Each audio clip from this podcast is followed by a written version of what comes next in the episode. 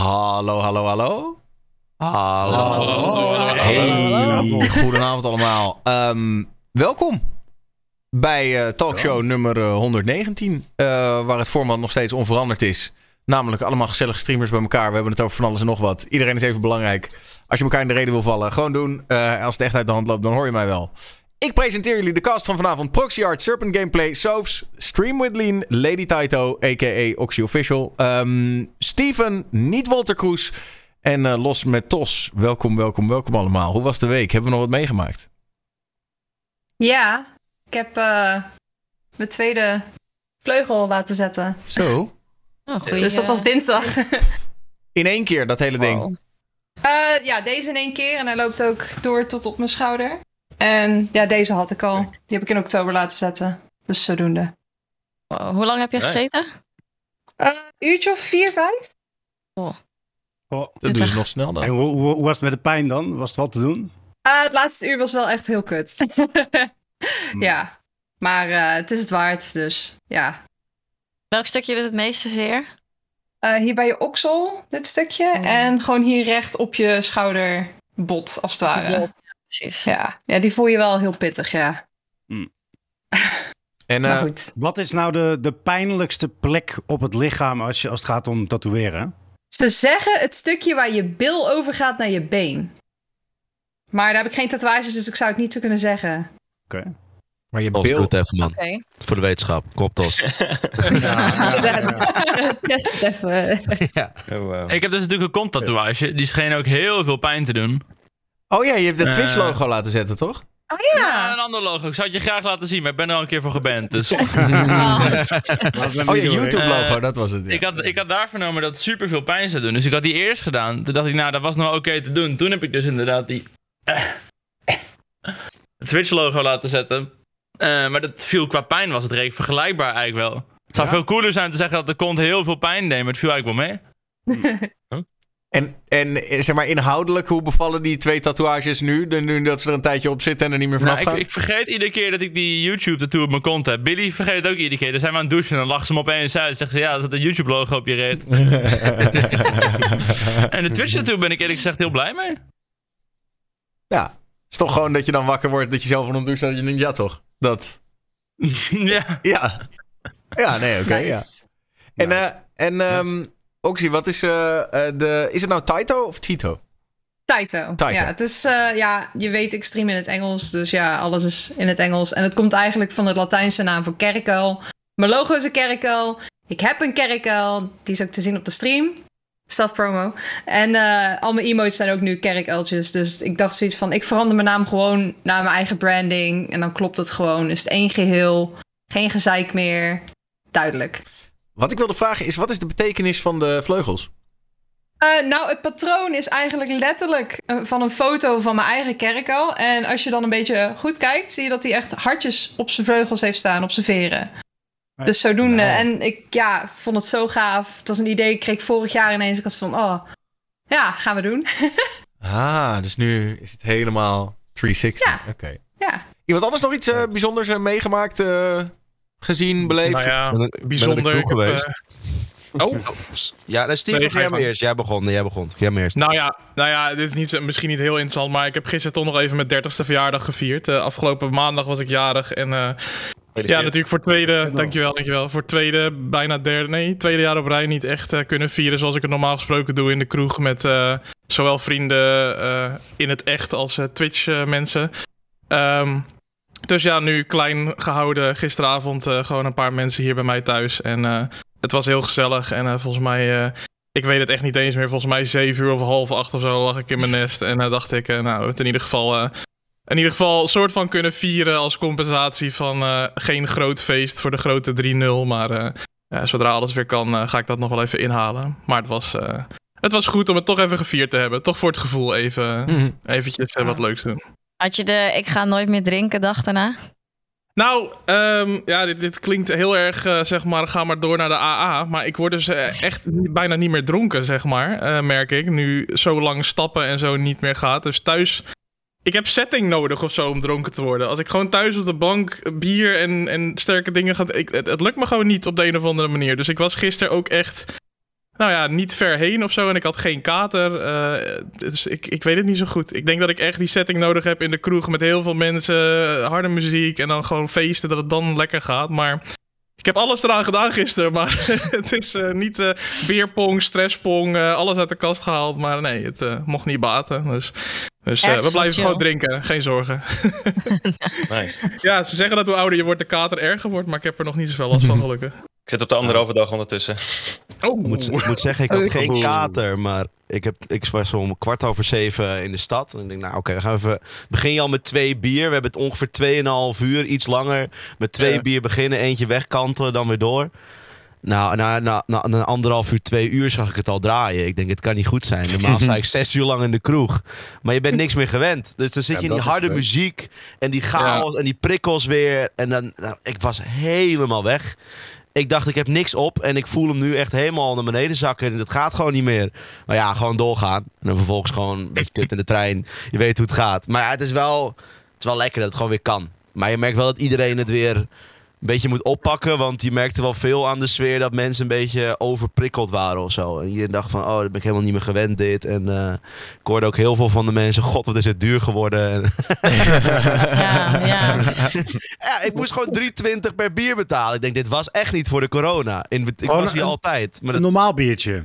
een normaal biertje, 25 Ah. centiliter. Ze gooien, 3,20. gewoon, eh, ze gooien gewoon het max aantal personen een keer eh, je omzet en dan eh Ja. Precies. Coronatax. 4 euro per bier. Ja, nee, maar zo voelt het echt een coronatax. Moet ik zeggen, Max Personen was ook niet echt een succes. Voor mij, ik was net een half uur en de politie stond er voor de deur. Maar Ah. ja, weet je, ga maar tegen iedereen zeggen, ga even op je plekje zitten. Ga even op je barkrukje zitten, ga op je tafel zitten. Ja, bij je tafel zitten. Niemand doet dat. Ik was vrijdag ook eh, niet, eh, uit eten. Maar wat mij, het verbaasde mij ook dat het nog relatief rustig was of zo. Ik had zeg maar om zes uur gereserveerd. En natuurlijk, eh, ja, je weet hoe het gaat. Kon, ik maar kwart over zeven aanzetten. Maar ik kon gewoon nog, eh, kon gewoon nog eten. Dat, eh, daar, daar was ik echt heel blij om. Ik dacht, ja, het zal wel zo overspoeld zijn. Dan is je plekje vergeven. En, eh, maar dat, eh, nee, dat kon allemaal gewoon nog. Dus ik was wel blij. En het was ook niet te druk of zo. Ik vond het wel heel chill. Ah, ik was woensdag naar de bios, naar de, naar de Spider-Man eh, uiteraard. En ik dacht ook inderdaad, alles, alles vol en eh, niet meer reserveren. Nou, letterlijk de eerste dag. Het was natuurlijk wel overdag. Maar eh, we waren, zaten met z'n zes in de zaal, dus... eh, ah. Nou, ik moet zeggen, ik kwam net Oh, uit wow. Zandam bij de bios. Ik was even, ook even de bios net. En Spider-Man draaide na die film waar ik was. De Ja. rij stond buiten om de hoek. Het was echt Ja, normaal. weekend Ze gewoon, maar het is nu weekend. Ze hebben altijd echt Ja. twee zalen vrij voor die Spider-Man film. Dus het stond echt buiten helemaal die rij. Dat is echt niet normaal. Dat is echt stormloop. Maar ja, door de week was het inderdaad best rustig. Maar ik denk, ja, er zijn mensen ook aan het werk ook normaal. Ja. Dus ja, het is wel bizar hoor. In het weekend, eh, ik stond ook gewoon een volle kroeg. Moest me ook weer doorwurmen om een keer naar de wc te moeten. Ik dacht, ja, volgens mij mag dit niet helemaal. Maar ja, weet je, maakt mij het ook uit. Het, eh, het is niet mijn gezeik als het fout gaat. Hè. Met, met, met een beetje ongeluk heb ik corona. Ja, moet ik in quarantaine. Eigen schuld, dikke beeld.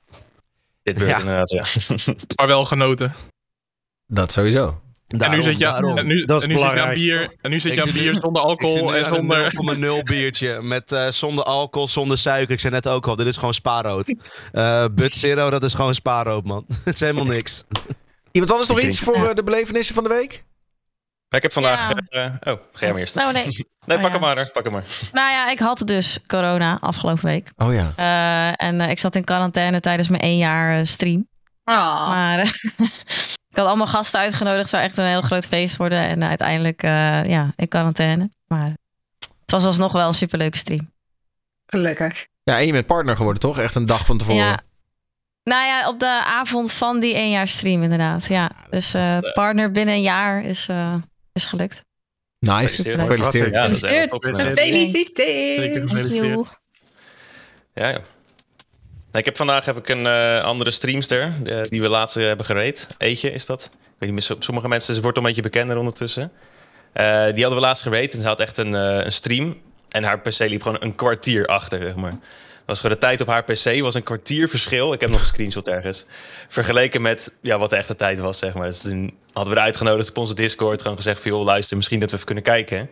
Maar het was echt een PC. Nou ja, het museum had het niet geaccepteerd, zeg maar. Want ze, nou, dat, Maar die hebben geholpen. Is het niet gewoon een setting dan? Gewoon set time in je PC die verkeerd staat? Of snap ik het even niet? Nee, die, die PC die kwam echt van voor de oorlog nog, zeg maar. De PC was zeg maar zo traag dat er een kwartier stream delay in zat. Ja, Was, ja, was oh, dat je wilde stream delay. ja, we zaten al te, te, te- ja, te praten in de chat van... Het is heel raar dat je niet zegt van... Hey, bedankt voor de rate of iets dergelijks, zeg maar. Dat ben je meestal ben je het wel gewend bij de meeste, bij de meeste streamers. Maar we zaten ondertussen te chatten in, in haar chat dan. En, en na een kwartier was het in één keer... Hey, bedankt voor de rate. Wat? Holy shit. ja. Deed ze ook nog Windows 98 dan? Eh, was dat ook... eh, Het was geen Windows 10. Volgens mij was het Windows 7 of zo eh, waar ze nog op zat, ja. Dus dat was wel, was wel mooi. Maar daar zijn we vandaag eh ben ik daar langs geweest. En eh, ja, even met het, met het backpackje die kant. En eh, geholpen met het bouwen van haar eh, nieuwe PC. En dat is gelukt. Dus, eh, ja, hij draait. Ze moeten hem alleen zelf nog allemaal gaan instellen natuurlijk. Maar een beetje de sympathiek. basisdingen, OBS en zo eh, erop gezet. Dat is Ja, leuk. Ja. Lief dat je dat gaat doen. Ja, toch. Ehm, Oké, Eh, laten we even beginnen met, met een, ehm, een ehm, dingetje gewoon waar we het al heel veel over hebben gehad. Maar eh, volgens mij is het nu zo dat als ik goed kijk op alle roddelsites, dan hebben zowel Marco als Ali B, als Jeroen Rietbergen, als de regisseur nu het land verlaten. Eh, ze Ja. zijn, eh, Oh. Marco schijnt in, in Spanje te zitten. Dan heb je Rietbergen, die schijnt in een kliniek in Amerika te zitten. En Ali B zit ja. in Dubai.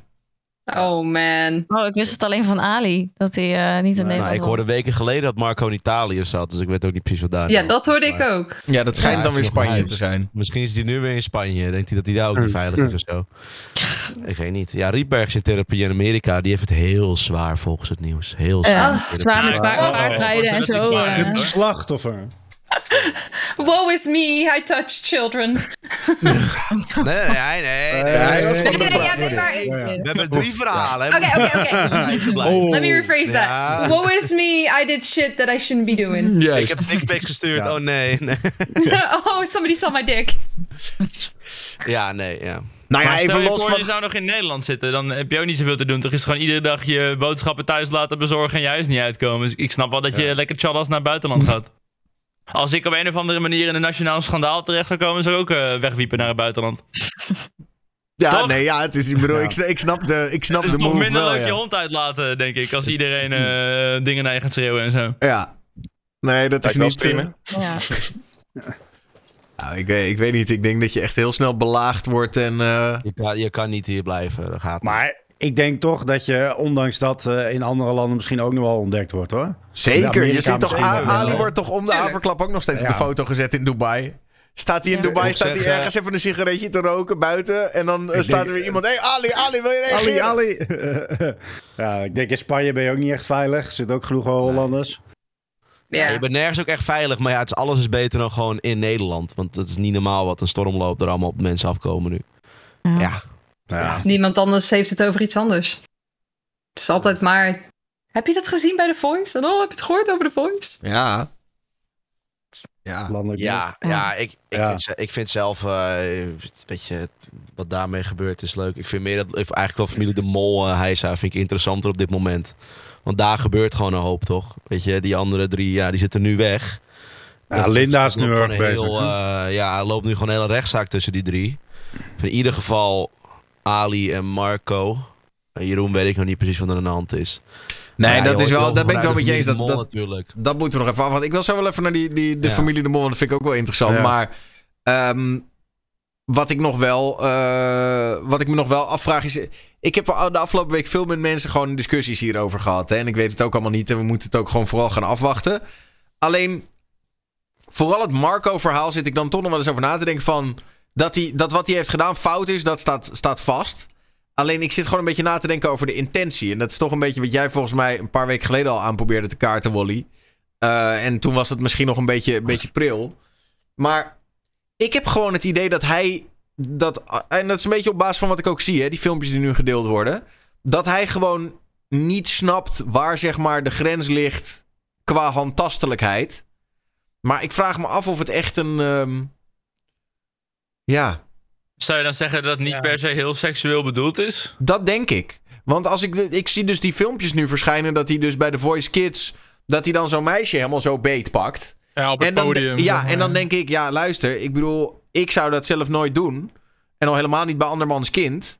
Maar aan de andere kant zie ik iemand die zeg maar, eh, weet je wel, een, een ik vind het ook niet heel stiekempjes en heel, snap je wat ik bedoel?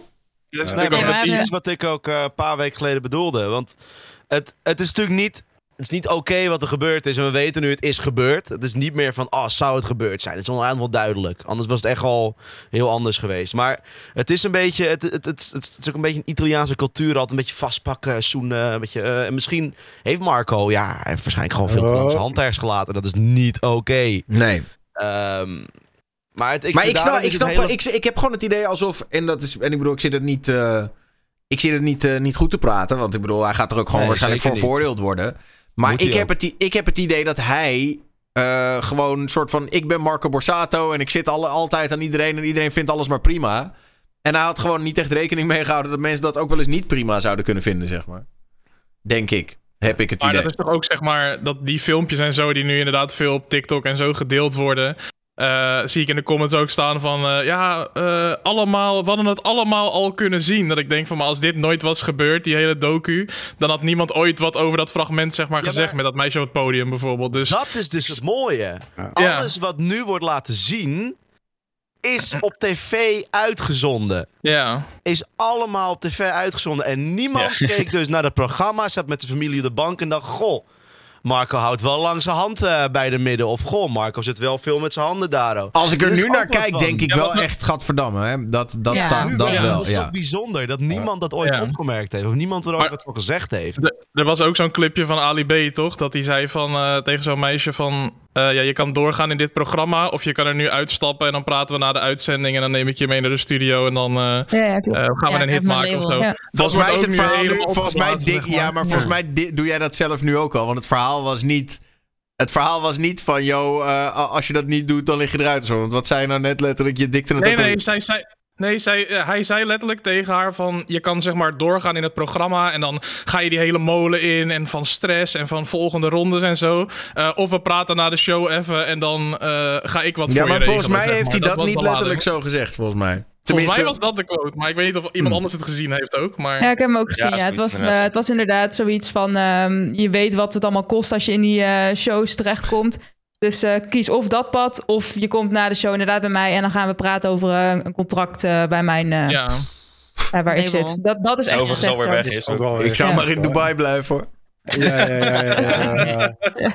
Ja, maar dat, dat vind ik ook het interessante van het hele verhaal. Hoe je echt drie best wel heel andere scenario's. En toch is die hele fuckshow in één programma terechtgekomen. Zo, Ja. Hoe is dit kunnen gebeuren? Je hebt eigenlijk Ali B, die, wat je zegt, ja, die wil een plaatje met je maken. Even, even een nummertje maken samen, om zo te zeggen. En dan heb je Jeroen, die, nou, dus, nou ja, laten we eerlijk zijn, dat is gewoon een pic Jeroen. 14-jarige tiener op WhatsApp. Dick pic Dat is Rietbergen. Precies wat het Ik is. schaam me voor mijn naam. Nou, En, maar goed. en dan heb je Marco, die ja, eh, misschien een iets spannende barbecue organiseert elk jaar. Ja. Denken jullie dat ze het van elkaar wisten? Nee, dat denk ik niet. Of tenminste, na, na, Ja. op zekere... Ik denk meer zo van... eh, De, de- ik denk dat ze van elkaar allemaal wel wisten... dat het een stel, eh eh, eh, stel eh, geilneven bij elkaar waren. Zeg maar van, oh ja, kijk, lekker meisje, dit, dat. Dat denk ik wel. Maar ik denk niet zo heel letterlijk. Ik denk niet dat Jeroen, eh, Jeroen eh, zeg maar, naar Ali ging van... Hey, moet je kijken wie ik dikpik heb gestuurd. Dat denk ik ook weer niet. Nee, dat hoop ik niet. Nee, eh. Dat we een groepsapp hadden of zo. Ja. Hm. Tja. Maar Ze dan- waren wel ik tegelijk jurylid, toch? Marco en Ali waren toch tegelijk jurylid in dezelfde seizoenen? Marco en Ali die werken sowieso heel lang samen. En Jeroen, hè, die was ook En bandleider Jeroen in al die alles, seizoenen. eh, die heeft alles meegemaakt. Vanaf eh. begin af aan. Dus ze waren allebei vanaf begin af aan. Maar Marco en Ali gaan zelfs daarvoor nog heel ver terug. Dus het zijn wel personen die elkaar heel goed kennen. Dus ja, het, het- sowieso binnen het programma, binnen het programma, dat kan ik met 100% zekerheid zeggen. Er waren echt wel dingen die gewoon in de doofpot gestoken zijn. Tuurlijk, je wil niet de publieke imago eh schenden. De Ja, zoon van Walter. Cruz confirmed dit, eh, jongens en meisjes. Nou ja, Ze zijn- nou, ik- maar ik- dat weet iedereen toch Shownieuws, onderhand? shownieuws. Morgen. Laten we eerlijk ja. zijn. Er is een hoop in, een hoop in de doofpot gegooid. Uh, misschien, is het niet, misschien wisten ze niet allemaal zo heftig hoe het ging. Hè? Ik zeg niet dat ze allemaal wisten dat Ali B iedereen in de studio uitnodigt. Dat zeg ik zeker niet. Maar Nou, nog wel er meer dan wel uitnodiging. dingen rondgegaan wat echt wel gewoon gezegd is misschien van... Oké, zullen we dit niet eh, naar buiten brengen? Eh, want dat is misschien slecht imago. Denken jullie dat ze nog aan de bak komen, eigenlijk überhaupt binnen de showbiz? Na het, al- stel, Nee. dat, stel dat de helft maar waar is. Ik heb geen idee. Eh, komen ze dan überhaupt nog aan de bak? Ik moet de zeggen, ook net de het helft verhaal van Marco hoorde, zie ik opeens toch misschien nog... Het hangt er reek vanaf wat nou exact de beschuldigingen zijn. Want we weten exact nog vrij weinig over wat hij nou exact gedaan heeft. Als het een beetje is wat we op die beelden gezien hebben... kan hij daar misschien nog mee wegkomen? En ik moet zeggen, toen dat Ja. hele Bilal-verhaal gebeurde... zeiden ook heel veel mensen... die gast gaat nooit meer aan de bak komen. Toen een paar maanden later was er opeens een heel goed interview... en nu opeens zegt iedereen, ah, het is gewoon prima gozer. Nou is dit wel net iets anders... aangezien de intentie misschien net iets slechter zijn. Bij Bilal was het echt enkel een flauw grapje... wat gewoon heel slecht viel en heel dom was. En Bilal eh, heeft ook nog bij wat een- Marco wordt het dan meer... ik ben gewoon een sukkel... en ik weet niet wat normaal contact is met kinderen of zo. Zolang hij niet daadwerkelijk seks heeft gehad met kinderen... en in eh, kinderen een broekje gezeten heeft... kan hij er misschien nog een bepaalde soort draai aan geven. Maar dat denk hij dat dan Ali B wel redelijk klaar is. Als dat daadwerkelijk echt Nou is ja, en hij niet... Maar, maar toch, dan heb je juridisch, komt Marco er misschien beter vanaf. Maar hè, publieke opinie. Nou, wat ik zeg, Bilal is ondertussen... publiek- publieke opinie is hier weer helemaal prima. Dus het, als je een keer een goed interview hebt... en je het op een bepaalde manier een spin kan geven... Dat zeg je, maar de publieke opinie over Bilal is niet per se heel positief. Nee, en hij de- scoort de ook geen echte hits meer. gegeven. Zeg maar, het spro- of als presentator heeft hij een kans gekregen. En ze hebben hem niet helemaal uitgekotst. Maar de publieke opinie is niet per se altijd wat ik hoor over Bilal van Nee, eh, lovend. Van, ah, die jongen heeft een stomme fout gemaakt. Ik, ik geef Marco momenteel eh, tien keer meer kans dan Ali B in ieder Dat geval. wel. Ja. Ik, denk dat, ik denk dat Ali en Jeroen zich meer in een positie hebben gewerkt waar ze denken van ja, kut, hoe gaan we het oplossen? Ik denk dat Marco meer kans heeft, maar of hij een grote kans heeft, dat weet ik niet. Ja. Het is echt wat de publieke opinie ermee gaat doen. En dan even over het, eh, het de mol verhaal. Want eh, inderdaad, dus oké, wat was er nou aan de hand? Even heel kort resumerend. Deze week kwam naar buiten het tijdschrift Linda. Wat natuurlijk, eh, nou ja, ik wil niet zeggen van Linda de Mol is. Maar in ieder geval, zij is de naamgever ervan. En het is van een of andere uitgever. Nou ja, je weet hoe het gaat. Haar tijdschrift schijnt dus al twee jaar lang van die beschuldigingen afgeweten te hebben. Dus die beschuldigingen tegen bijvoorbeeld zo'n Rietbergen... die zijn een aantal jaar geleden al bij het blad Linda neergelegd door eh, twee vrouwen. Toen eh, heeft dat blad Linda gezegd van ja, wij kunnen hier niet echt bewijs voor vinden, dus we gaan het niet publiceren. En schijnbaar is dat toen ook nooit verder gekomen. Dus nooit bij Talpa beland of ja. En nou, eh, dus de hele media dook daarop deze week van nou, Linda wist hiervan. En nu reageert Linda en zegt ja, dit is een soort hetze, dit trek ik niet. Ik wilde eigenlijk mijn verhaal nog wel aan jullie doen. Maar fuck jullie, nu doe ik dat ook niet meer. Dat is eigenlijk wat Linda nu zegt een beetje. Toch? Nee, dit is, dit is toch wel een beetje een duidelijk, eh, duidelijk voorbeeld van je naam staat op de voorgevel. Jij bent de eindverantwoordelijke, terwijl er een heel team achter staat. Die waarschijnlijk het misschien wel binnen hebben gekregen. Maar het is niet alsof ze alles wat ze binnenkrijgen. Yo, Lin, moet je horen, man. Moet je nou horen wat ik hoor over Ali Ja, B? maar Ja, misbruik dit- dit bij de voice wel, door je toch? eigen man? Ja, oké. Nee, nee, want nee, ze wisten over Ali B. Dat zat in Ja, het verhaal. oké, over. Jeroen is niks naar buiten Maar dan Maar dit, moet wel bij Linda terechtkomen, toch? Hey Linda, we hebben een verhaal over Ali B. Heb je zin om die guy te exposen of zullen we het niet doen? Het is wel goede juice, het is wel goede verkoop. Oh, denk ik. huge natuurlijk. En daar komt bij, het gaat over het programma van de broer, hè, The Voice. Ik weet niet, ik denk dat dat wel bij Linda terecht komt, zoiets. Ja. Ik weet het niet. Ik vind, ik vind het hele familie de Mol verhaal op zich wel interessant. Want ehm, sowieso vond ik het al heel tof dat... Alhoewel bijna iedereen en blijkbaar het helemaal niet leuk vond dat John de Mol erbij zat. Ik vond dat heel, Nou, heel tof. Boos. Heel tof. Nou, vergeet Nou, niet. Kijk, wel, weet je wat niet ik- de juiste dingen gezegd. hè, Nee, nee, nee, maar bedoel, wacht even, wacht even. Ja, maar dat zegt iedereen. Alleen dat, dan, dan wil ik toch even gewoon heel even iedereen erop wijzen dat dat natuurlijk een magnifieke truc is van de heer De Mol. Want hij weet, Tuurlijk. hij weet, ik laat mijn man Paul Reumer een appie sturen. Dan zeg ik, ik wil het zien, maar dan wil ik ook in dat programma op camera reageren. En hij weet dat op dat moment de, de boosredactie heeft eigenlijk maar twee keuzes. Namelijk of we stoppen John de Mol in ons programma. Of een dag later kan John de Mol in ieder programma gaan zeggen... ja, BNN-Vara doet niet aan wederhoor. BNN-Vara doet niet aan wederhoor. Ik wilde een reactie geven, maar ze hebben mijn reactie niet geaccepteerd. BNN-Vara heeft een, een, een journalistiek broddelwerk afgeleverd. Dus hij zet ze daarmee compleet schaakmat. Hij dwingt gewoon 30 minuten van hun uitzending af. Dus als mensen dan zeggen van... oh, dat vind ik toch wel goed dat hij er zat. Goed dat hij er zat. Hij heeft, zich, hij heeft letterlijk gewoon gezegd... hap, 20 minuten van die uitzending Maar- zijn nu van mij. Ik ben John de Mol. Ja. Fuck jullie. Ik, ik snap wat je zegt, maar was er iets wat hij wel goed had kunnen doen dan, zeg maar, in deze situatie? Want ik ben inderdaad, zeg maar, kamp van... Oké, ik vind het wel in ieder geval goed dat hij er is gaan zitten. Ik snap jouw kant ook, maar was er dan iets wat hij wel goed had kunnen doen? Ja, maar ik, ik, ik vind dan... Eigenlijk had hij helemaal niks goed kunnen doen. Als Nou, je, nee, ja, eh, natuurlijk. Hij had, ik bedoel, uiteindelijk eh, in die zin... Het, eh, een, een, een reactie op camera geven is wel sterk. Alleen, hij is wel de enige die die reactie op camera heeft afgedwongen. Weet je wel, hij had natuurlijk ook gewoon... net zoals een Erland Galjaard, een RTL, een, een Blue Circle... weet ik veel wie er allemaal mee... eh, hij had ook gewoon een nette brief terug kunnen schrijven. Maar hij is wel dan zeg maar het ego die denkt... nee, nee, nee, nee, nee. Ik wil op camera reageren als ik de uitzending mag zien. En niet alleen dwingt hij zeg maar die zendtijd af, hij dwingt ook nog eens af dat hij zeg maar het alvast kan zien voordat er. Ja. Ik weet niet. Ik, ik vond het ook een Ja. soort power Het, move. het, het, het klinkt bijna alsof je, alsof je hem beschrijft als een van de slimste zakenmannen van Nederland. Ja, Wauw, laten misschien... eerlijk eh, zijn. Ja, het, maar daarom, het is wel weer een briljante set van hem. En misschien is het wel een stukje damage control, je eigen, je eigen hachje redden. Maar dat zegt niet dat het niet een domme set is geweest. Want dat heeft hij heel slim gedaan. En in het algemeen vond ik dat hij een relatief goed verhaal heeft neergezet. Op een paar uitspraken na, waar de mensen wel denk weten welke ik bedoel. Ehm, maar ja, of Nou, ik er is wel het echt uiteindelijk veel- weet ik ook niet. Er is wel echt heel veel gezeik rondom John de Mol. Ik heb het gevoel dat als hij zich helemaal niet in dit verhaal gemengd had... en gewoon geen commentaar had geroepen... oh, geen commentaar. Misschien was hij er dan beter afgekomen... en dat hij nu een iets minder slechte naam gehad. Mensen Ja, willen hem ook wel zien vallen. Ja, dat zeker. Dat is natuurlijk altijd moeilijk om van tevoren in te schatten. Want ik denk zelf, als ik kijk naar, nou ja, gewoon ook überhaupt, zeg maar, boos publiek. Gewoon ook de, de andere video's die ze maken. Ik snap dat dit natuurlijk een veel groter ding is.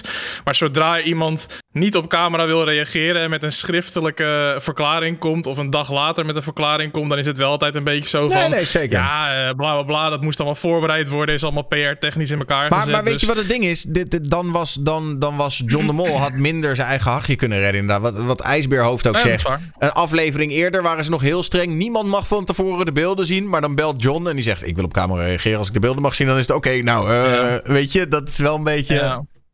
Maar het is ook vanuit de kant van Boos natuurlijk. Ze wisten natuurlijk ook dat dit hoe dan ook extra juicy zou zijn als, hij, als ze hem op camera hebben. Dus het is natuurlijk van twee kanten een beetje... eh, Als je Twitter opende, het leek wel eh, eh, zo- zo'n Marvel crossover Avengers shit wat gaande was. Mensen deden alsof Iron Man terug uit de dood kwam of zo, weet je wel. Het is, het is echt bizar wat een hype mensen hadden omdat John de Mol daar zat. Het was echt bizar. Ja, het, het, Ja. eh, in dat opzicht, ja... Is het helemaal succes geweest wat hij wou doen? Dat denk ik niet. Ik denk dat hij zelf ook wel zit van... oké, misschien heb ik het niet helemaal juist gedaan. Maar ja, Nee, en, en Boos heeft er bijna nog een soort van profijt van gehad... omdat hij een paar onhandige opmerkingen heeft gemaakt. Dus, eh, Maar Steven, wat bijna niet te voorkomen was. Steven, jij zegt zeg maar dat geen PR-praatje, maar sowieso dat ze al van tevoren al hebben gezeten met hem hoor. Nee, tuurlijk. Maar ik bedoel meer van dat als, als hij daar niet was gaan zitten... dan was sowieso de tendens geweest... oké, hij wilde niet reageren op camera... eh, maar er is wel een schriftelijke verklaring binnengekomen. Dan weet je bijna al wel hoe daarop gereageerd gaat worden. Van hoe kan de grote John de Mol niet zijn ballen bij elkaar rapen. en daar gaan zitten en dan ook op camera reageren. Ik weet bijna zeker dat dat dan de tendens was geweest. Dus even voor de sowieso ik, had iemand. Ik verdedig eh, hem niet, maar ik vind het gewoon altijd interessant om het van twee kanten te bekijken. En ik denk dat er geen goede optie was geweest. Voor hem niet, eigenlijk. Nee, ja. En ik denk dat dit voor Boos de beste optie was om het eventjes in een perspectief te steken. Dat je nu een hele sterke docu had met aan het einde eh, ook nog eens die paar uitgeleiders die hij zelf natuurlijk maakt. Ja, dat is voor Boos alleen maar uh, ja, voor Boos mooi geweldig, ja, zeker. Ja. En wat mij toch um, nog steeds bezighoudt is... uh, die man is bijna 70. Hoe kan zijn haar er zo uitzien? I don't know. Veel geld, man. Dat zijn belangrijke vragen in het leven. Haartransplantaties en verf en Met geld hebben. geld, Heel veel eh, geld, ja. Goed, um, nog zoveel... iets heel anders. De dopingautoriteit. Die houdt zich bezig met doping in de sport in Nederland. En die zeggen nu, hè? Wat raar. Uh, allerlei schaatsers schlik, uh, slikken een uh, schildkliermedicijn. Maar ze zijn helemaal niet ziek. Oh. Vanwege het medicijn. nee, ja, dus om iets meer context te geven, de dopingautoriteit eh, vermoedt dus dat heel veel schaatsers een bepaald schildklierhormoon gebruiken om hun prestaties te verbeteren. Uh, maar dat, dat hormoon wordt momenteel niet gezien als doping. Dus het mag. Uh, maar het is natuurlijk wel een beetje verdacht dat al die schaatsers dat allemaal slikken. Uh, en het schijnt in meer sporten schijnt dat een, een ding te zijn. Wat voor prestatie krijg je ervoor? Extra explosiviteit, kracht? Dat, weet je ja, dat weet niemand, maar... uh, Ik denk dat het misschien te maken heeft met dat je dan... als je een te langzaam werkende schildklier hebt... je meer vet vasthoudt. Hmm. Zodat je misschien beter Ja, of juist minder, ik weet het niet. Zodat je misschien je, je eten beter behoudt of zo? Geen idee. Ja. Ja, ik vond het wel een Maar interessant het wordt feitje. continu toch, dit soort dingen. Dat ze eh, een- een medicijn slikken heel lang en dan uiteindelijk blijkt... nee, ja, maar er zit toch wel iets van prestatieverbeterende middelen zitten erin of effecten. Dus eh, we gaan nu gewoon ja, dat medicijn gaan verbieden. En iedereen die ooit een record heeft gehaald, eh, die, die, ja, die wordt gedisqualificeerd. Die getest is op die eh, type doping. Dan zeg maar. Blijft Dat wel lastig, continu. weet je wel. Want het is toch een soort eeuwig kat-en-muis spelletje. En je blijft maar weer Ja. zeggen, oh ja, dit mag niet. En dan op een gegeven moment, wat ze, de, wat ze dus zelfs doen, is die bloeddoping, toch? Dus je eigen bloed aftappen, om dat er dan later weer bij, bij te spuiten. Zodat je feitelijk helemaal geen... Dus je tapt je, je, je tapt je eigen bloed af als je helemaal lekker gaat. En dan Nee, je vlak moet voor vooral de... heel hoog in de bergen zitten, toch? Dan heb je zuurstofrijke bloed. Ja, Dat, dat tap je dan af, dat bewaar je. En dan later spuit je dat weer opnieuw in. Zodat je meer... eh, Een beetje EPO, maar dan natuurlijk. Ja, en dan kan niemand natuurlijk niemand kan meten dat je aan doping doet, want het is je eigen bloed. Dus er komt in principe geen nieuwe gekke stof bij, zeg maar. Dus dat soort, dat soort shit is toch lijp dat mensen. Zullen we gewoon een keer doen? Gewoon alle sporten met alle doping. Gewoon Je kijken. mag, Ja. ga maar. Alles mag, nul regels, doe je best. Ik zou kijken. Ik zou echt kijken. Ik denk wel, ik denk wel echt Een soort Battle Royale, weet je tien hartaanvallen tijdens die spelen, zeg maar. Gewoon. Maar daar kan je ook op wedden. Dat Dat is, dat is toch hun eigen fout dan? Ja. Daar kun je ook op weg. Jij willen doping gebruiken. Ja, dat kunnen wij niks aan doen. Een soort Olympische Hunger Games. Gewoon, eh, ja. Ik heb inderdaad doping. zo'n verhaal ge- gehoord van zo'n, eh, ook een eh, Tour de France geloof ik. Gozer had gewoon zoveel EPO gebruikt. Die viel ook echt tijdens het fietsen gewoon van zijn fietsie af. En zijn bloed was gewoon een soort stroop geworden. Omdat het gewoon zoveel rode bloedlichamen bevat. Oh, wauw. Ja, Maar- op een gegeven moment gaat de, de- doodgaan is wel denk ik het grote probleem denk ik met deze amped up Olympische Spelen. die Ja, dat is wel een beetje het risico, ja. Ja, Maar met zeg maar dat er steeds vaker natuurlijk verhalen naar buiten komen. En of het dan wel of niet expres als doping is gebruikt. Of weer een medicijn, eh, zoals dat met Onana. Dat hij natuurlijk zegt per ongeluk genomen en allemaal dat soort dingen. Maar met wat Wolly net zegt, van je hoeft het niet te gebruiken. Maar vooral in die wielrenwereld heb ik toen hier en daar wel verhalen gelezen van dat sommige mensen zeiden van ja, maar er wordt zoveel gebruikt. Je, zeg maar, eh, waarvan mensen nog niks afweten. Zeg maar, soort van underground wordt er zoveel gebruikt dat je bijna niet meer bij kan blijven als je niet iets doet om prestaties te verbeteren. Dus je komt natuurlijk ook op een gegeven moment in de situatie van ja, ga ik achteraan blijven rijden of ga ik dan ook iets zoeken wat me een beetje helpt. Ik denk dat dat het grootste probleem is, toch? Dat als er zoveel mensen zouden gebruiken, dan is er een groepje dat vanzelf gaat volgen, omdat je anders sowieso voor lul aan het rijden bent. Nou ja, je ziet toch ook, ik bedoel, die, die documentaire Icarus op Netflix, echt een kijktip. Eh, je, ik bedoel, hoe ver die landen ook gaan om bij de Olympische Spelen te winnen. Weet je wel, Rusland en China, die hebben gewoon miljoenen over voor een paar medailles. Dus dat, ja, tuurlijk gaat daar shady shit gebeuren. Ja, Ja, ze zoeken eh, hetzelfde als met andere sporten. Je zoekt op een gegeven moment natuurlijk de grens op van wat mag eh, volgens de wet en volgens eh, alle doping natuurlijk wel. Ja, dan krijg je dus dit soort dingen zoals die schaatsers. de, Maar is dit niet gewoon een beetje de top van de ijsberg wat nu naar boven komt? Denk je niet dat Ja, er veel dat meer sporten zijn die tuurlijk. dit soort shit eh, gebruiken om eh, Tuurlijk. voordeel uit te halen? Ik denk denk dat er dat heel veel is waar wij niet niks van af weten hoor. Nee, dat denk ik ook. gebeurt rare shit met naalden achter de schermen, denk ik. Echt eng. Rafael Nadal eh, heeft natuurlijk eh, vandaag gewonnen. Eh, misschien ook iets eh, met doping. Man heeft alleen blessures. Wint wel. eh, ja, ja, goed. Ja, nee, ja, ik denk ook in het tennis. Ik denk, ik denk dat er geen sport is waar het. eh, Zou het bijvoorbeeld, dus ik zit ineens te denken, zou het bijvoorbeeld in de Formule 1 ook een ding zijn? Daar, concentratie misschien? Doping voor auto. Ja, ja, misschien Rit- Ritalin of zo, zoiets, hè? Maar ja. Adderall. Ja, en beetje net natuurlijk. als met e-sports, toch? Eh, Daar heb je ook wel verhalen van mensen die bijvoorbeeld aan de, aan de uppers zitten inderdaad. Vooral om je concentratie gewoon hoger te krijgen. Adderall. Reactievermogen Ja. omhoog. Heel populair bij Ja, eh, Counter-Strike en zo. Mag dat eigenlijk niet? Ja? hè? Ja, daar zit ook weer natuurlijk de grens inderdaad van wat mag en wat mag niet. hè. Je hebt natuurlijk eh, duizend en één eh, drankjes en eh, weet ik veel wat allemaal wat je prestaties zouden verbeteren.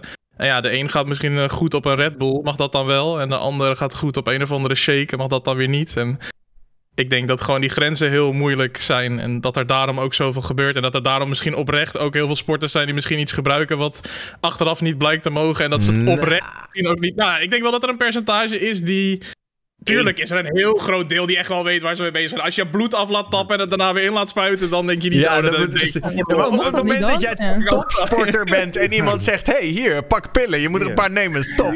Dan denk je toch ook van: Nee, nee, nee, nee, nee. I don't know, man. Nee, nee. Maar Nou, überhaupt ja, die, eh, eh, Die, die pre-workout shit is toch ook eigenlijk echt gewoon niet goed voor je. Als je ziet hoe mensen, hoe hard ze daar soms op gaan. Ik denk, nou, het is gewoon bijna... Maar- Maar er zijn toch ook verhalen, ik, ik zit daar niet zo heel erg in, maar er zijn toch ook verhalen bekend van pre-workouts die zeg maar anderhalf jaar geleden gewoon overal verkocht werden en waarvan nu zeg maar de helft van de stoffen verboden is. Ja, dat is, ik, ik, ik zit zelf dan wel een beetje Ja. in de pre-workout. Sommige mensen die kopen een pre-workout nu specifiek uit Duitsland. Want er zitten sommige van die nou amfetamine-achtige stoffen zitten er dan wel nog in. Amfetamine-achtige stoffen, dat Ja, klinkt vrij dat is een soort- heftig. Een soort amfetamine-molecuul, maar dan net iets anders, waardoor het dan wettelijk niet legaal is. Dat is allemaal best wel heftige shit. Daar kun je echt wel flink eh, dood aan gaan als je een hele pot wegtikt.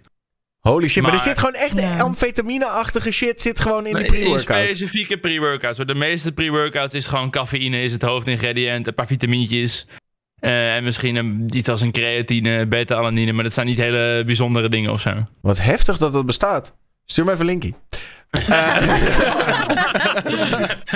asking for a friend. sport. Is asking for a friend.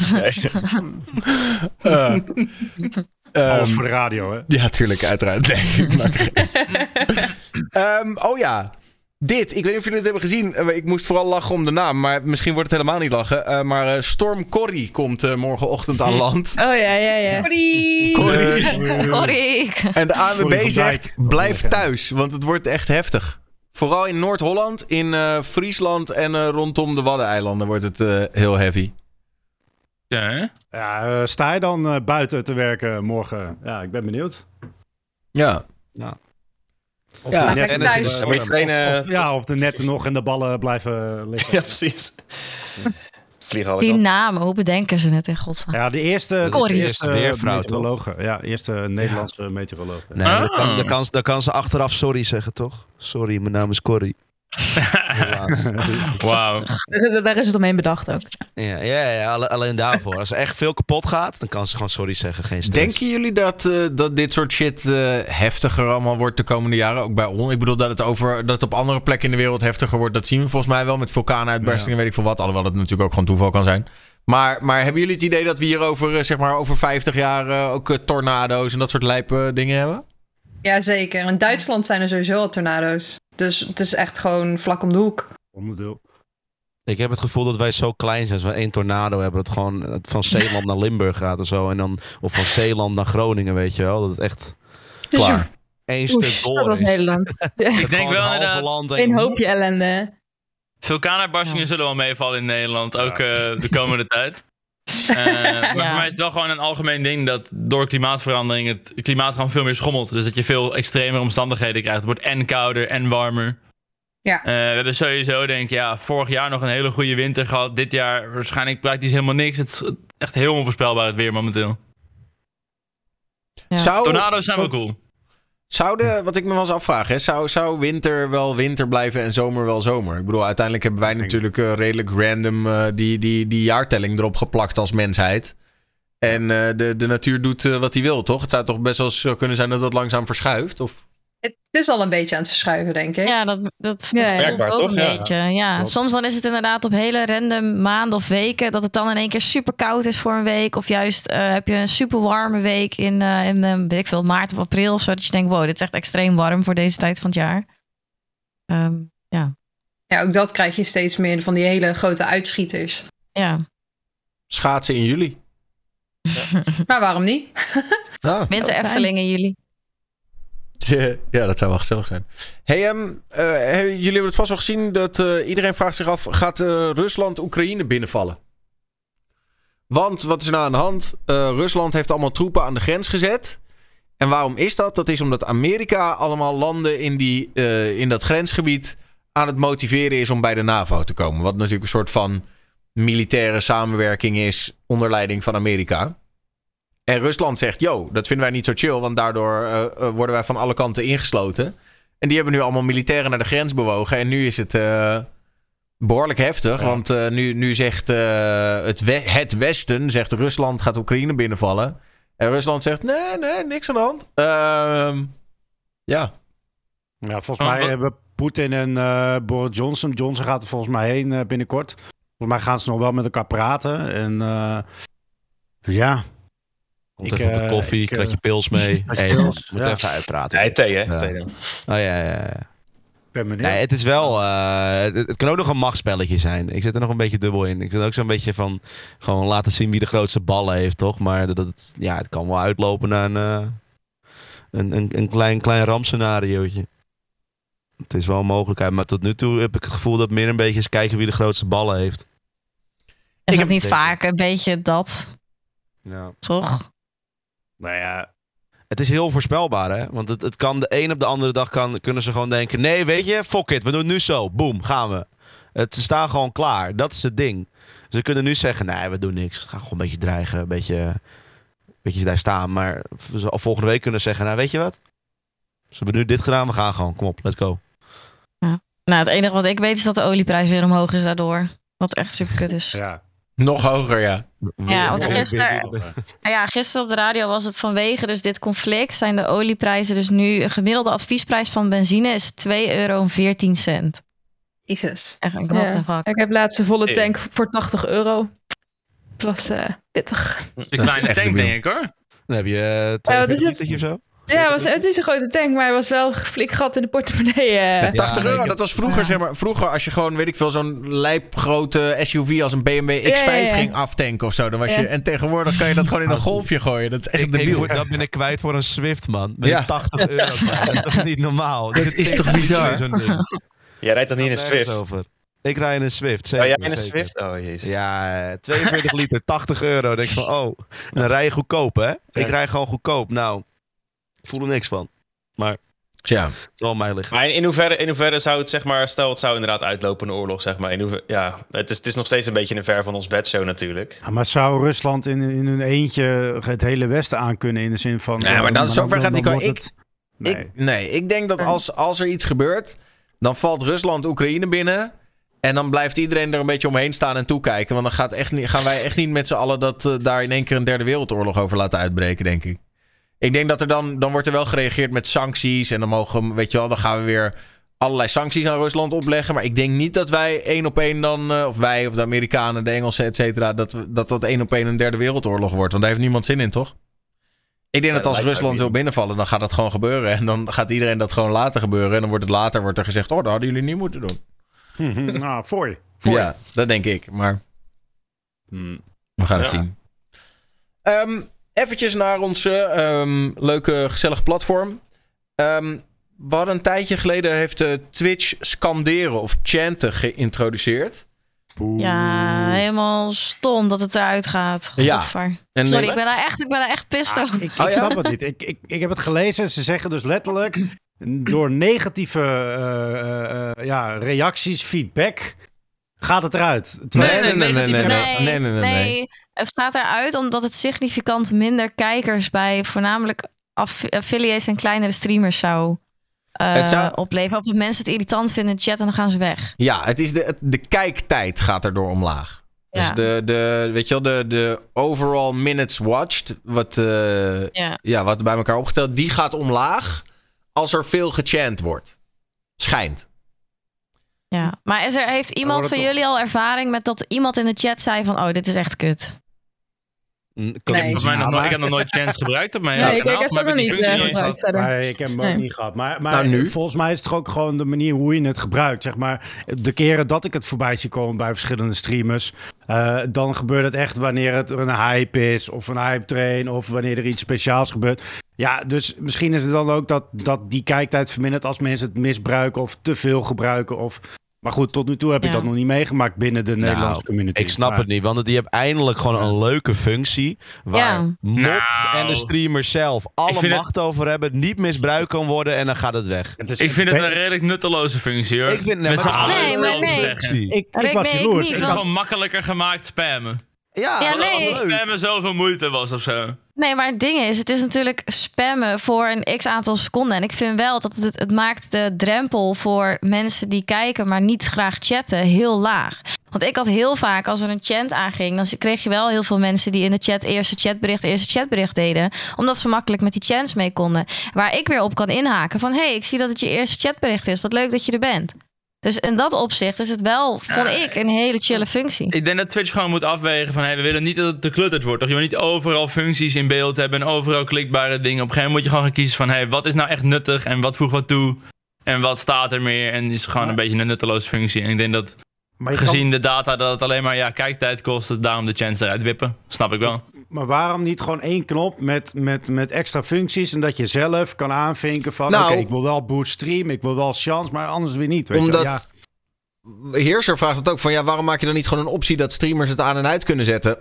Omdat ehm, Twitch natuurlijk denkt, ja, maar als jullie, wij gaan streamers geen features geven waarmee zij hun eigen kijktijd omlaag kunnen halen. Want die kijktijd is natuurlijk ook waar Twitch Dus ads op verkoopt. Dat is, dat is hetgeen Dus- waar Twitch ja, op kijk. dus het is eigenlijk ook Ja. een beetje, het, kli- het, het- dit Het is ook weer zo meer mooi. hun eigen belang, toch dan? Niet, Ja. niet voor de streamer, maar voor hun. Ja. Ja, Ja, maar dat bedoel ik ook. Wij hebben eigenlijk een leuke functie die we allemaal zelf kunnen modereren. En dan voor Twitch komt het minder in profijt. Maar wat Daniel zegt, kijktijd. Uiteindelijk, kijk, je kan 10 minuten live zijn met 10.000 kijkers. Of zoals Rick, 24-7 met 1000. Dan vinden ze dat veel fijner, want er is veel meer kijktijd. Of 2000 of 3000. Gewoon, ze willen gewoon meer kijktijd. En als dat omlaag gaat, dan zeggen ze, nou, jammer voor je. Dan niet. Hmm. Dan doen we het niet. Dan minder ads voor ons. Dan krijg jij die functie niet. Opgelost. Maar ja, Dat is het is wel weer een gevalletje, zeg maar, dat Twitch een, een beslissing maakt natuurlijk op basis van de gegevens die zij hebben en de data die zij hebben. Eh, waar we maar op moeten vertrouwen, denk ik, dat ze daar in ieder geval de waarheid over spreken, dat die gegevens daadwerkelijk zo zijn. Want als we daar geen vertrouwen in hebben, dan schiet het al helemaal niet meer op, denk ik. En denk je, als het daadwerkelijk voor, voor bepaalde streamers dus eh, eh, ja, nadelig is, en zij trekken de conclusie dat dat een probleem is voor die streamers, ja, kijk, er zullen altijd mensen zijn die het, die het leuk vinden en die het minder leuk vinden, weet je wel. En inderdaad, nou ja, bijvoorbeeld Lien die zegt van ja, ik vind het een hartstikke leuke functie. Maar er zullen ongetwijfeld ook mensen zijn die het een minder leuke functie vinden. En ja, zo benadeel je altijd één van de twee groepen. En ik denk dat Twitch gewoon een afweging heeft moeten maken van ja, welke groep gaan we benadelen. En ja, het is vervelend natuurlijk dat het dan zo gaat voor de mensen die het leuk hebben gehad daarmee. Maar ja, Ik ik, weet niet. Ik probeer, me. altijd, ik probeer altijd vertrouwen te hebben in het feit dat zij echt wel Kijk, als Twitch, ik hoor heel vaak dingen dat, dat ik het gevoel krijg van dat mensen denken dat Twitch hun eigen platform doelbewust, zeg maar, kapot aan het maken is of zo. En ik zou gewoon niet snappen waarom ze dat doen. Dus ik denk echt wel dat ze een keuze maken waarvan zij denken dat het de beste is in ieder geval. En of dat dan daadwerkelijk de beste Nou, is, ja, eh, dat is altijd de vraag. Nee, maar daar heb je wel een punt. Dat is zeker. Ze willen ook echt niet bewust hun platform kapot maken. Maar ik geloof niet dat deze functie weghalen niet alleen maar uit hun eigen belang is. Want als streamer het echt zo irritant zouden vinden, ja, dan gebruik je het toch niet. Weet je, Nee, maar dat, is, dat zeggen we. Nee, ja, dat is dat Het is dus wel voor negatieve kijktijd, dus het is wel Ja. een eigen belang. het is zeker Ja, eigen belang. Maar dat vind ik Ja. wel jammer. Want, ik weet niet, ja. Ja, je, die, moet, je moet streamers gewoon niet eh, een optionele zelfmoordknop geven voor je Ja. statistieken. Dat, dat is het, ja. Ja, zo kun je het ook noemen. Ja. ja, maar dat klinkt toch leuk? Nee. Nee, maar dat is het. Dat is de, dat wil. streamers Ja, maar- redeneren heel ja. erg vanuit hun eigen belang. Zo van ja, maar als ik, eh, als ik voor één kijker wil streamen, moet dat kunnen toch? En Twitch denkt nee, want dan kost je ons alleen maar geld. Ga weg van ons platform. Dat is wel een beetje. Ja, dat is heel bot Het, het gezegd. liefst zou Twitch dat willen doen. Als je al een paar weken lang gestreamd hebt en je cijfers gaan niet omhoog en zijn laag, dan word je Oh. gewoon verbannen. Dat zou voor Dat Twitch het zou meest voor Twitch makkelijke heel erg goed uitkomen, ja. Ja. ja. Ah, het, is al, het was alsnog een betere feature dan eh Boost je Stream. Dat was, vond ik, de meest nutteloze feature die ik- Die bestaat nog, toch? bedacht. Die bestaat nog, want die komt voor nog, hun heel goed uit. Ja, die komt voor hun Ja. heel goed uit. Ja, dus die gaat niet eh, weg. Hebben die mensen die al dan? Of, eh? Ja, ik heb hem. En eh, zodra dat gebeurt, is het hartstikke leuk. Je krijgt 30 eh, nieuwe kijkers erbij. Maar het zijn 30 internationale mensen vanuit de, he- de hele wereld. Dus je hebt Die aan, fuck geven om jouw ze- stream. Ze volgen je niet. Ze hebben geen interactie, want ze komen uit Taiwan, Thailand, Filipijnen en Alaska. Dus hartstikke leuk dat ze komen. Maar, maar ook gewoon random, gewoon niet ge- gerelateerd op jouw content. Nou ja, goed. Nou, dan wel. laat Twitch, eh, als ze die boost-functie erin laten, prima, moeten ze ook eh, eh, dat chanten erin laten. We hebben allebei een win. Ik vond En gewoon aan en uit kunnen zetten. Ik vond persoonlijk die nieuwe ad-functie wel heel interessant. Ja, wow, wow, wow, wow, wow. Main een- topic van vanavond. Wow, wow, wow, wow, wow. Ik ben hier rustig naartoe aan het werken. In alle. Chill, chill, chill. eh. Heb jij, heb jij de agenda niet gehad in je We zijn net, Man. we zijn, we zijn net bezig. eh. Nee, daar, daar, jongens. komen, we zo op, want dat is natuurlijk ook wel interessant. En dat eh hele klein zijstapje tussendoor. Ridouan Taghi die heeft eh, eh, natuurlijk geprobeerd om eh, te ontsnappen uit de EB. Sterker nog, volgens mij wil hij dat nog steeds. Ik denk niet dat hij daar heel lekker zit. Ehm, maar nu, nu zijn er weer nieuwe dingen naar buiten gekomen over dat hij dus... Hij schijnt... Hij heeft natuurlijk zijn eigen neef als advocaat ingezet. En die kwam daar, toen wisselde ze briefjes uit. En nu blijkt dus dat in een van die briefjes stond... nee bro, het moet op een Navy Seals-achtige manier. Je neemt het niet serieus genoeg. Eh, dus hij wilde echt een soort van... eh, ja, en het schijnt dan... Ander detail, dat ze hadden afgesproken dat hij zou zijn tv voor het raam van zijn cel houden. Zodat ze konden checken in welke cel hij zat. En hem er dan zo uitblazen met een rocket launcher of zo. Echt iets heel zieks. Dat zou zo dik zijn als het gebeurt. wow. Wat een flex. Oké. Ja, zo kan het ook. Ja. Ja, nou, Ja, het zou wel heel spectaculair zijn. eh. Sowieso je neef als advocaat. Dat is toch zieke belangenverstrengeling? Of eh, hoezo mag dat eigenlijk? Je advocaat komt altijd op voor... Je probeert altijd vrij te spreken, toch? Dus of het dat je neef is of niet, zou dat niet heel veel uit Nou moeten ja, het maken. is toch familie? Dan zit je er toch heel anders in. Ben je toch ook emotie, met persoonlijke en emotie betrokken daarin? Dat heb je wel passie voor. En dan ga je wel een volle 300% erin om eh. Misschien is zijn logica als hij er toch een of andere advocaat een paar miljoen gaat lappen, dan geef ik het liever aan mijn neef. Ja. Blijft het in de familie. Ja, maar het stomme Ja, was ook dat die, die neef was er ook bijgekomen als extra advocaat. Weet je, hij had al advocaten, maar deze, deze was advocaat over één specifiek kutonderwerp wat niemand boeit, zeg maar. Maar ik Dus- vond het ook mooi dat ze zeg maar, ze mochten in principe niet, eh, ze mogen niet meeluisteren met die gesprekken en er mogen geen camera's hangen in die ruimte. Maar eh, het begon op te vallen dat hij wel heel erg vaak langskwam en toen zijn ze toch maar even gaan tappen. Dat vond ik vooral wel mooi, dat ze zoiets hadden van oké, het is prima dat je je advocaat vaak uitnodigt, maar dit begint wel uit de hand te lopen. Laten we toch maar even mee gaan luisteren. Ja, En, en, dat ze eh, toen, en ze kregen Ja, signalen dat het doorging, hè? Alle criminele handel van hem. Ja, maar dat ze ook eerst mee zijn gaan luisteren en toen hoorden ze volgens mij zeg maar schrijven of blaadjes of kras en toen hebben ze ook maar camera's erbij gehangen en toen dachten ze, hey, het is echt gewoon Ja, dat denk ik van. Ja, in principe zouden die er sowieso moeten hangen. Toch is het echt een, is de meest beveiligde, meest beveiligde shit van Nederland. En dan mag je daar gewoon niet mee meeluisteren. Maar ja, dat eh, Ja, is natuurlijk weer allemaal eh, mensenrechten en zo. Maar Ik vind dat hele Taghi verhaal sowieso wel interessant. Ik vind het wel eh, fascinerend of zo, hoe al die shit eh, is gelopen met hem. Maar is die alles wat hij gedaan heeft. Documentaire. Hoe je... Maris vraagt van, ze mogen toch sowieso alles meeluisteren, maar dat is niet zo. Met de advocaat niet. Nee, Eh, dat gaat er niet, nee. advocaat is juist eh, vertrouwelijke communicatie, dus dat mogen ze dan weer niet afluisteren. Maar ja. We gaan het zien. Ergens, ik bedoel, laten we. ik Bedoel, je hoopt natuurlijk niet dat hij vrijkomt, maar ergens zou het inderdaad heel spectaculair zijn om, eh, om te zien hoe. Ik hoop dat ze daar in ieder geval wel camera's ophangen. Als ze komen de rocket launcher, die beelden wil ik wel gewoon zien. Ja, ja, ja. En dan door al die muren heen, ja. Stuur de man eens even zijn backpack hier op, joh. Ja, dat zou echt Ja. zijn. Doe mij maar gewoon livestream vanuit de EB. Gewoon permanent Ja, kunnen kijken. Met slow motion Ja. feature, alles. Streamdokters. Eh, een goede eh, derde scherm. TikTok Dat je. Rido en Taggy zo in de cel ziet zitten. Dat je er gewoon de hele dag die stream aan hebt. Wanneer komt die rocket launcher? Gat in de muur knallen. Ik zeg je heel eerlijk, hè. Ja? Uitroepteken Als- als- cam, let's go. Als Taghi naar Twitch komt, dan kunnen we allemaal stoppen, denk ik. Want dan... eh, Ik zeg je eerlijk, als, eh, als je gewoon een streampie vanuit die cel gewoon ergens, ergens aangooit. Ik zou dat de hele dag kijken. Ik zou gewoon echt willen zien hoe die daar zit. En dan Chance, hè, met Rocket. Sowieso. Af en toe zo'n harde bang afspelen en zo. Free re. Ehm, ik eh, kwam een eh, ding tegen ehm, op eh, Reddit. En het is een, eh, een topic eh, op, het, op de Twitch subreddit. En het is een voormalig streamer. En die zegt eigenlijk in een soort lange post van... ehm, ja, ik heb een tijdje een aardige Twitch carrière gehad. Het ging op zich ook wel lekker. Maar overal wou ik dat ik er nooit aan begonnen was. En dat vond ik toch wel, vond ik toch wel heftig. En ja, waarom wil diegene dan, wou diegene dan dat hij er nooit aan begonnen was? Ja, dat, dat, dat is een soort combo. Ehm, pak even die post erbij hoor. Dan kan je ook even zien waar het om gaat. Oh ja, hier gevonden. Eh, eh, sorry, ik ben niet zo snel vandaag. Maar dit is hem. Ehm, pretty large following. Put over 12 hours of work on average. Dus gewoon, eh, ik streamde 12 uur per dag. Ehm, maar uit- uiteindelijk raakte ik mijn passie een beetje kwijt. Ik kreeg een soort burn-out. Want ik vond dat ik te veel achter de computer zat. Ik vond de games niet meer leuk.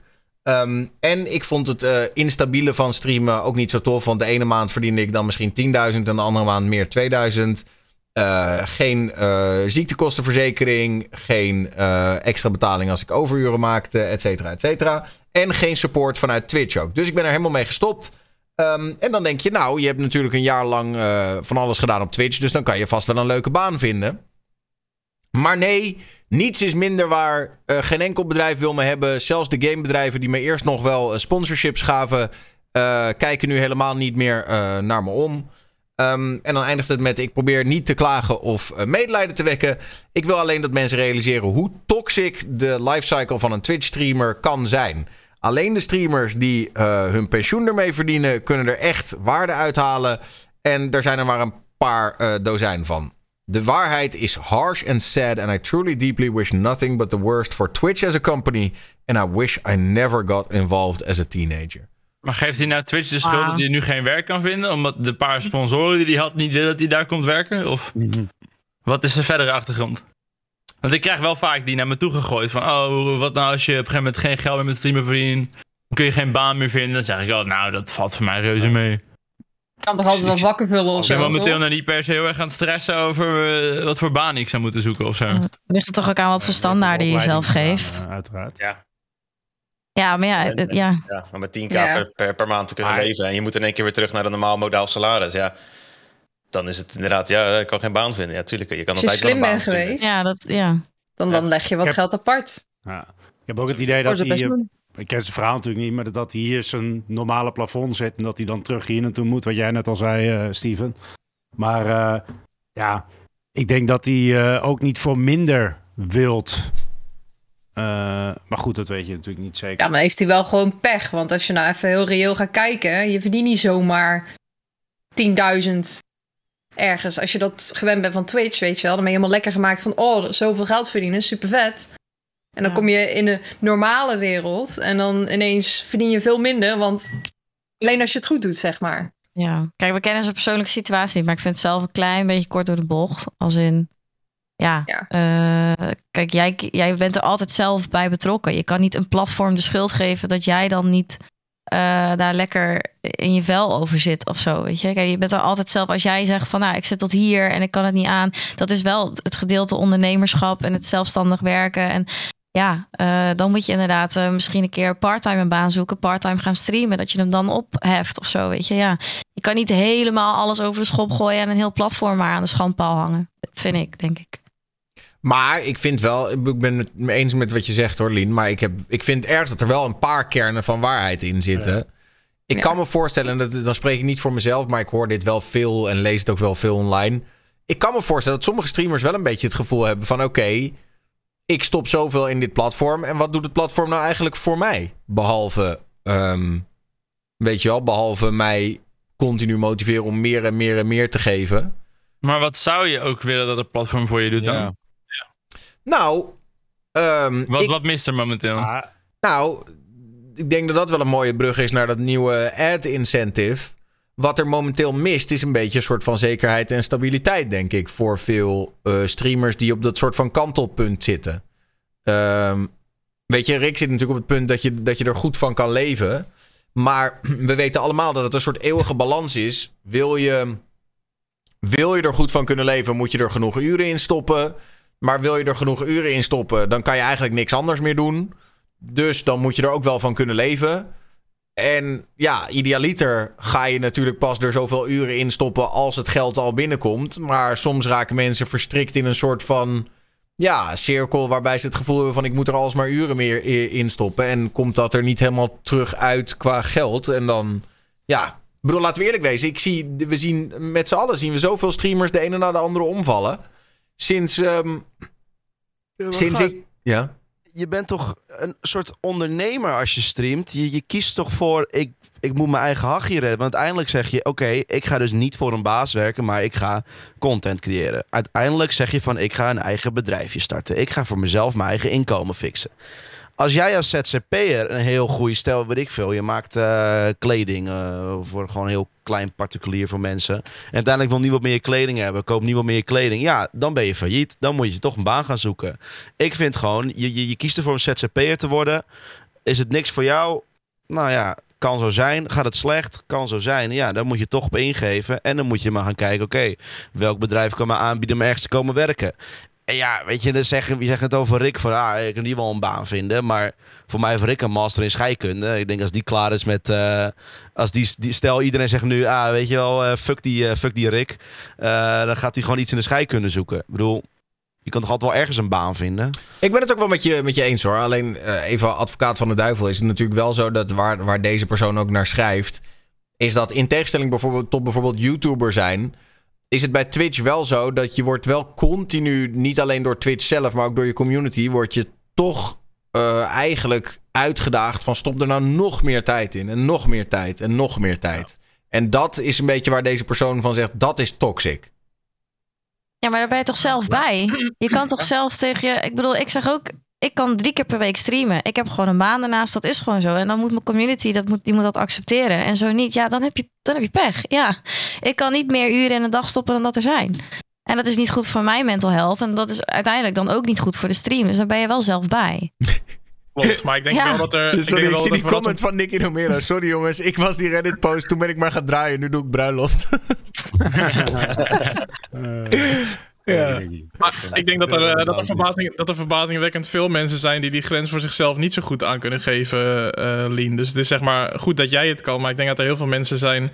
En ik denk dat dat ook de mensen zijn die we in de loop van de afgelopen jaren zeg maar, hebben zien stoppen of een break hebben zien nemen. In ieder geval in Twitch channel of, of internationaal die dan toch het gevoel hebben dat ze live moeten. Of die dan toch een schedule hebben. Of die dan toch uh, op de dag zelf zich misschien niet lekker voelen, maar toch live gaan. Of uh, misschien een subathon doen en uh, de klok nog op 69 uur staat. En denken, ja, vandaag even niet, maar dan toch maar doorgaan. Ja, het is aan de ene kant is het een stukje karakter. Maar aan de andere kant is het natuurlijk ook, moet je over nadenken of, het, ja, of, het, of dat dan gezond is of niet. Ja, wat net natuurlijk maar, wel een beetje gezegd werd, je moet, je moet niet per se platform de schuld aangeven. Ik denk dat een taxichauffeur, die kan dat ook mhm. doen. Mensen die voor een Uber werken of zo, maken ook hun eigen uur. En er zijn ook echt wel mensen die daar soms gewoon dagen draaien van 16 uur. Want ja, gewoon lekker geld pakken, toch? Ja, maar, ja dat, is ook wel interessant. Oh, ik, sorry, denk, ik, ja, ik denk dat hij het ook heel erg ziet als werk. Hoe hij het ook vertelt met overuren en met dingen. Maar misschien jullie, maar ik heb nog nooit aan overuren gedacht als ik aan het streamen was.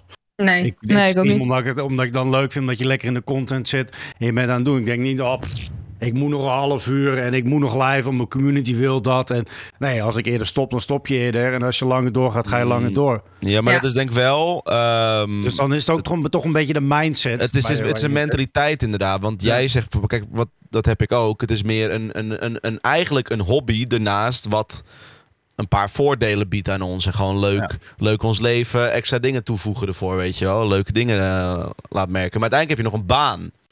En ik snap wel dat als jij het fulltime doet, je misschien uiteindelijk denkt van ja, of ik nou 40 uur in de week stream of 60. Ja. Uiteindelijk maakt het geen kut uit met wat ik verdien, want dat is op heel andere dingen gebaseerd. Dus ik kan wel de redenering begrijpen van ja, als we meer streamen, verdienen we niet meer. Nee, niet per se, nee. Maar, ja, of je moet een goed, hij, doen, maar... Hij, ziet, hij, hij weet ook dat Twitch van, van nature een vrijwillig platform is. Iedereen is vrijwillig om te gaan en staan waar ze willen. Uh, het is niet dat je zoals YouTube per maand uh, wel view, uh, geld krijgt voor views, noem maar op. Het is wel natuurlijk een ander platform dan... Dat je, ja, je hebt geen vaste prijs, zeg maar. Ik denk ook dat er bij Twitch meer druk achter zit. Omdat je, je verdient geld zeg maar, op het moment dat je live bent, natuurlijk. Dat is het moment dat je, dat je donaties binnenkrijgt en subjes en dat soort dingen. Dus het forceert je meer om vaker live te zijn. Ik weet gewoon, bij mij, ja, ik, ik, ik zie inderdaad gewoon inkomen. Uh, die zie je gewoon halveren als je minder streamt. Als je een dag minder streamt, dan halveert dat. Ja, dat is logisch. Ja, maar ja, dat is ook als je de helft van de video's uploadt op YouTube in principe. Ja, dan krijg je ook... Ja, dat is ook zeker waar. Maar YouTube... Wat Jeroen zegt, van ja, het is niet zoals YouTube. Twitch die biedt niet ondersteuning als wij veel zijn. Maar wordt het dan niet tijd dat daar een keer verandering in komt? En daarom vond ik, daarom zei ik net van, ik vind die nieuwe functie heel interessant. Van dat kan die nieuwe ad-functie. Ik denk dat die stabiliteit die die nieuwe functie gaat leveren echt heel erg overschat wordt hoor. Oké, laten we daar dan. Uh, laten we die moet Daniel eerst even uitleggen. Ja, ik zal hem even erbij. Uh, ben ik benieuwd. Oké. Overigens is het nog niet bevestigd. Volgens mij is het nu een test, want ze hadden er een blogpost over geschreven. En die hebben ze toen snel weer weggehaald. Um, en het gaat dus over een nieuwe uh, feature van Twitch. Um, en die heet uh, Ad Incentive Program. Die Ads Incentive Program. En uh, hoe gaat het eruit zien? Nou, hier, Zack Busey heeft erover getwitterd. Dan zie je hier een, voorbeeldje. Um, hoe gaat het eruit zien? nou, uh, je, je krijgt in je ad manager die je nu al hebt, krijg je een soort van bounties te zien. Dus stel, jij wil 500 euro of 500 dollar krijgen sowieso deze maand. Wat moet je daar dan voor doen? Run two minutes of ads per hour. Dat staat hier. I have stream, to point out, sorry, is that a mustache? And, stream, uh, and stream 40 hours this month. Dus het is belangrijk dat je uh, om die 500 dollar te krijgen, dat je 2 minuten ads per uur draait en dat je 40 uur per maand streamt. Als je dat doet, dan uh, gaat Twitch ook lief voor jou zijn en garandeert je dat je dan dus ook 500 dollar uitbetaald krijgt. Um, en zo gaan die bedragen natuurlijk variëren afhankelijk van hoe groot jouw kanaal is. Um, maar het idee is dus dat, dat, uh, ja, dat je van tevoren eigenlijk al, ook als je zeg maar uh, kut bekeken wordt, weet je gewoon, ik kan dit doen en dan krijg ik dat. Is dat niet een beetje te vergelijken nu wat je ook met je uh, online tijd, hoe noem je dat, hoe vaak je online bent geweest in de maand? Dat heb je nu toch ook? Ja, maar dat is meer omdat ja, uh, de sub uh, omlaag ging, de revenue. Ja, ja oh, dat. Dus ja, ja, maar dat is, maar dat is compensatie, maar dat gaat, maar dat gaat maar verdwijnen, dat is ook hè? een vaste prijs, toch? Ja, maar dat nee. Dat, dat, wordt iedere maand minder. Oh. Ja, dat zijn ze elke keer aan het aanpassen en uiteindelijk is het weg. Ja. Okay. Waar ik nog het meeste kan vergelijken is een, uh, een, een Raid Shadow Legends of een uh, Viking, zeg maar. Die sponsorships die hebben ook vaak, als je dit bepaalde doel haalt, dan krijg je sowieso dat bedrag. En uiteindelijk kan je dit maximaal kan je verdienen. En hier is het dan eigenlijk helemaal makkelijk, want ja, je zet hem aan, passief gebeurt dit. Uh, het enige wat je zelf moet bedenken is, ja, wil ik echt graag die twee minuten reclame per uur gaan draaien? Vinden mijn kijkers dat tof? Ga ik daar mensen op verliezen of niet? En ik denk ja, dat dat dat is ook een keuze gaat worden. Ja, ja, wat je zegt. Want kijk, als jij zegt van, goh, ik vind prima wat ik nu verdien. Ik, ik heb liever die ad zien, doe je het niet. Het is een incentive van als jij die, dat werk voor ons wil leveren, dan willen we jou dit bieden. Het is ook maar de vraag hoe het in de praktijk gaat gebeuren natuurlijk. Je kan het ja, toch ook je kan het ook opengooien naar de community toe, toch? Dat je zegt van, joh, uh, dit is wat ik uh, kan verdienen. En om, om te blijven streamen, om de content te kunnen blijven maken die ik ja. jullie graag aanbied, zou ik dat ook graag uh, willen. Dus ja, probeer erbij te blijven. Ik run wel de ads, maar dan ben je misschien ook open naar je community toe. Ik denk dat dat misschien ook wel kan helpen. Ik, het ik, werkt inderdaad het beste met dat soort dingen. Ja. Ik denk en hoop dat kijkers ook misschien dan... Streamers en kijkers misschien wel allemaal iets meer over ads. Van, dan is het tenminste wel nog een we kunnen er kijken en denken, ah, oh, we kijken nu die ad, maar dan helpen we onze favoriete creator wel weer voor die kleine bonus. Dus dan ja. op zich, ik vind, ik vind persoonlijk twee minuten in het uur niet veel. Nee. Persoonlijk. Nee, ik vind het ook meevallen. Als je even, stel ik ga één keer per uur even plassen, dan heb ik je twee minuten weer vol. Ja, ben ik weer terug. Net zo bedoel, laten we eerlijk zijn. Ja, kan het eventueel ook nog uitstellen, zeg maar. Als je een beetje actieve mods hebt, dan kun je het vaak ook zeggen van... nou, oké, okay, even wachten, nu even niet. Want er gaat nu net iets gebeuren, zeg maar. We zijn nu net bezig met eindbazen in, in een game of zo, dergelijks. Dus je kan hem dan ook nog, volgens mij twee keer per uur of zo... kan je hem even verzetten. Dus dat is ook niet zo spannend, wat dat betreft. Je gaat er niet speciale dingen door missen. En het is ook natuurlijk extra incentive voor mensen om te subben. Mm. Op jouw kanaal. Ja, want de subs, gaan hem, de subs gaan natuurlijk niet zien, maar je draait hem wel. Dus dat, maar ja. ik zie wel veel mensen die zeggen van... ah, het is allemaal commercieel, commercieel. Maar ik vind het juist voor de kijker op zich ook niet eens heel slecht. Want stel het pakt wel goed uit. Ik ga nu uit van het, van het mooie scenario. Het pakt goed uit. En streamers die verdienen gewoon een extra bonusje. Dan hebben streamers misschien wel meer motivatie om een paar uur extra per week te gaan streamen. In plaats van te werken. Dus dat je ook weer meer content krijgt van je creator. Waar je graag naar ja. kijkt. Ja. Het, het, het, ik ga nu wel uit van het ideale scenario. Kan ook een doemscenario worden of het is helemaal niks. Maar als het goed uitpakt, kan het echt wel voor de kijker en de streamer in het voordeel vallen. Dit, dit is wel weer, zeg maar, zo'n ontwikkeling om even terug te pakken naar die Reddit-post die je uh, voor aan het lezen was, uh, Daniel. Uh, het is wel weer, zeg maar, Twitch. Ik, ik, ik, weet niet of hier mensen zitten die hoe, heel erg lang meegaan op Twitch. maar, zeg maar, volgens mij is Twitch oorspronkelijk was er echt zo'n top, weet ik veel hoeveel procent, heel laag percentage wat ze geld ermee kon verdienen door middel van partnership. Toen kwam affiliate op een gegeven moment, wat heel makkelijk te behalen was, waardoor steeds meer mensen dachten: oké, ik kan hier ook een beetje geld mee gaan verdienen, dus ik ga ook meer streamen. Uh, nu komt er zoiets bij, dus de groep mensen die misschien hoop heeft om wat geld hiermee te gaan verdienen, wordt natuurlijk steeds groter. Waardoor mensen wel steeds meer gaan streamen en veel harder die FOMO misschien wel gaan hebben om te stoppen of een dagje pauze te nemen. Of om het terug te pakken op die Reddit-post, denk ik wel dat dit soort functies heel mooi zijn voor de mensen die hun geld ermee verdienen. En anderzijds kan het ook wel weer in de hand werken dat mensen nog sneller eh, eh, ja, de handdoek gooien of, of als- in de stress raken als ze een keertje niet live kunnen. Of eh, die uren in de maand niet halen en hun ad revenue dan die maand niet krijgen. Nee, maar dat, dus dat, daar heeft Twitch ook alweer dingen voor ingebouwd. Hè? Dus als je, Oké. als je het niet haalt, dan krijg je gewoon een percentage van... eh, Ah. Stel je haalt Dus slechts 80%, kleine dan krijg je gewoon 80% uitgekeerd. Dus dat, dat, dat wordt allemaal niet zo'n... Oké, dan, scheelt- soort dan scheelt het of zo, toch? Een soort Maar- checkpoint van als je dit hebt, dat, dat, dat. Ik wil het nog even zeggen op de mensen die nu. eh, wat ik hoorde net ook een beetje het geluid van. Nou, dan doen we dat toch lekker niet. We gaan toch geen ads draaien. En ik hoor veel streamers dat ook zeggen van. Nou, dan gaan we dat toch niet doen. Alleen ik heb wel het gevoel dat dit een beetje een soort opmaat is. Dat Twitch ons eigenlijk nu bij het handje pakt en zegt: Oké, luister jongens, graag of traag. Of jullie gaan nu godverdomme een keer ads draaien. Of eh, we gaan het jullie echt door de strot douwen straks. Ik heb het gevoel dat als jij nu achterblijft als streamer en je gaat hier niet aan meedoen. ehm, even heel bot gezegd, die, ergens verpest je het dan ook een beetje voor de rest. Want je maakt, weet je wel, je maakt kanalen die ads draaien per definitie oninteressanter. Ehm, en ik denk dat Twitch uiteindelijk gewoon toch gaat ingrijpen. Want waar we het al vaker over hebben gehad, het is nog steeds geen winstgevend platform. En ze komen nu wel op een soort punt van het moet nu wel een keer winstgevend gaan worden. En om dat te gaan doen, moeten er meer ads gedraaid worden. En als streamers daar niet aan mee willen werken, ja, dan zullen ze denk ik op een gegeven moment wel hardere maatregelen moeten nemen. Nou, je hoeveel ads moet... is? Het ding is, mensen zitten alleen maar te zeiken van... oh, we moeten ads draaien, maar krijgen niet genoeg geld ervoor. En dan zeggen ze, draai meer ads en we willen je een beetje geld geven... dan is het nog niet goed. Mensen blijven zeiken. Dat is het hele punt. Dat is toch gewoon zo? Is nooit Ja. goed, denk ik. Ja. Het is nooit goed. Er is van één... eh, Nee, oké. Maar ja, bij hoeveel ads stopt het? Want soms dan eh, klik ik een stream aan en dan krijg ik er vier voor me voordat ik het uiteindelijk kan kijken. En dan denk ik, nou, laat maar zitten. Maar dat zijn mensen die, ze, die dus niet elk uur een, een ad draaien, zeg maar. Alle pre-rolls die je krijgt, dat kan je dus nu op dit moment uitzetten. Dat is het hele, het hele voordeel van die ads manager op dit moment. Dus om te zorgen dat als mensen op jouw kanaal klikken, dat ze niet gelijk eerst vier ads door moeten. Ehm, en eh, ja, dus het is, het is een beetje ja, nemen en geven hierin. Want je, wil, eigenlijk wil je geen pre-rolls, maar je wil ook niet elke, elk uur zeg maar, mensen... Oh, weer een ad, oh, weer een ad, oh, weer een ad. Dat is ook, dat is ook irritant, zeg maar. Alleen Strek je er- benen dan Ja, even. maar, maar als er je iets nou, voor als je krijgt, nou is een beter. hele goede content creator bent... weet je dat te verwerken in jouw fantastische streamconcepten. Maar Dan, dan, dan prijs je je sponsor aan, doe je nog even een ad... ga je even, ga je even plassen, kom je weer terug. Blokuurtje weer af, kan je weer doorgaan. Even concreet, want we hebben het net een beetje gehad over dat ja, voor veel mensen is ads ook gewoon geen vetpot, toch? Zelfs in echt goede maanden heb ik denk echt, nou als ik het een beetje omreken is 2% van mijn hele Twitch-inkomen ads. Ik denk dat voor mij een ad het voornaamste nut heeft dat meer mensen subben omdat die reclames zo verschrikkelijk irritant zijn en dat ik erop binnenloop.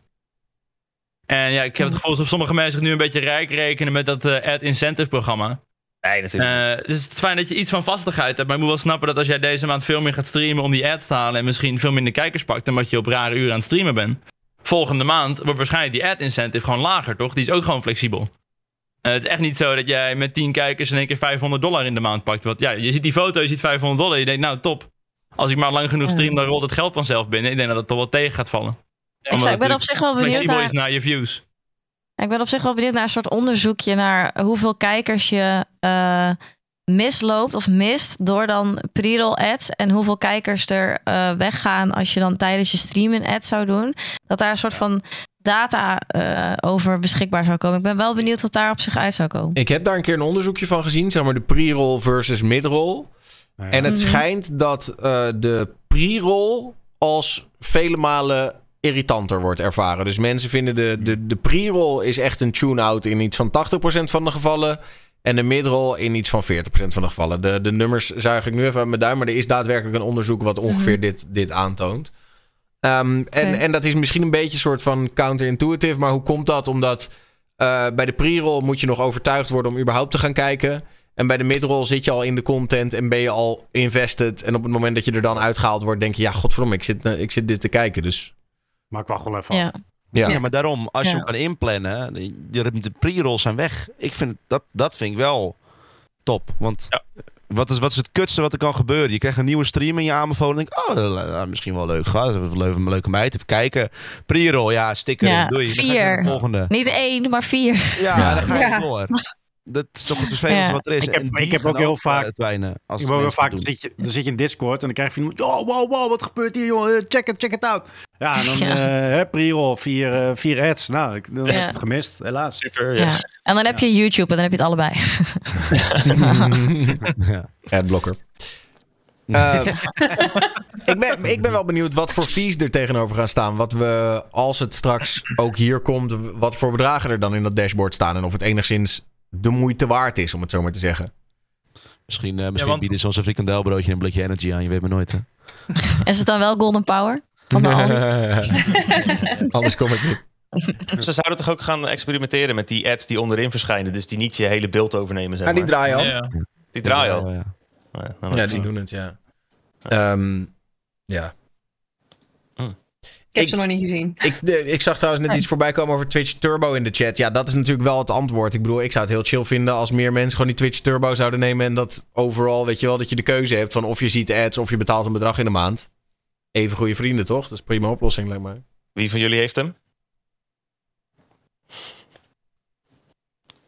Jullie zien allemaal reclames. weer- Maar ik zat er wel laatst aan te denken. Ja. Jullie kijken Super allemaal die chill. kutreclames. Oh, is. Nog wel, maar het scheelt zo weinig en ik neem niet turbo. Alleen, ik ben dan ook alweer benieuwd hoeveel het dus zou schelen. Stel, heel veel mensen hebben turbo, hoeveel het dan scheelt in subs. Want dan hebben mensen die de irritante reclames niet meer, waardoor ze misschien niet de need voelen om te subben. Dus wel Twitch geld geven, maar niet jou dan. Ja, Dat is wel een beetje want dat is het. Ja. Gewoon allebei, joh.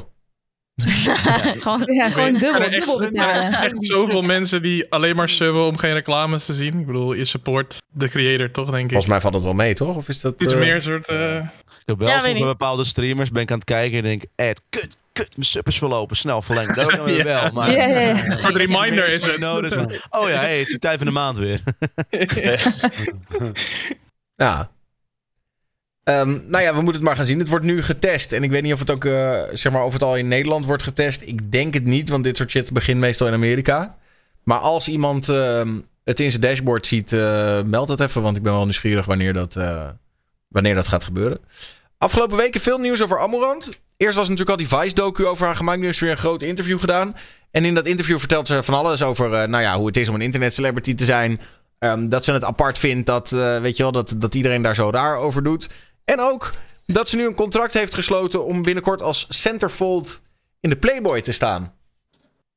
Oké. Top Ja. 5, Price. top 5. Ik vind het echt geweldig. En ze zegt daarvan: Ik hoop dat ik dan nu eindelijk een keer serieus genomen word. Want op de een of andere manier nemen mannen vrouwen die in de Playboy staan wel serieus. Maar als vrouwen hun eigen lichaam op het internet verkopen, dan is het opeens niet serieus.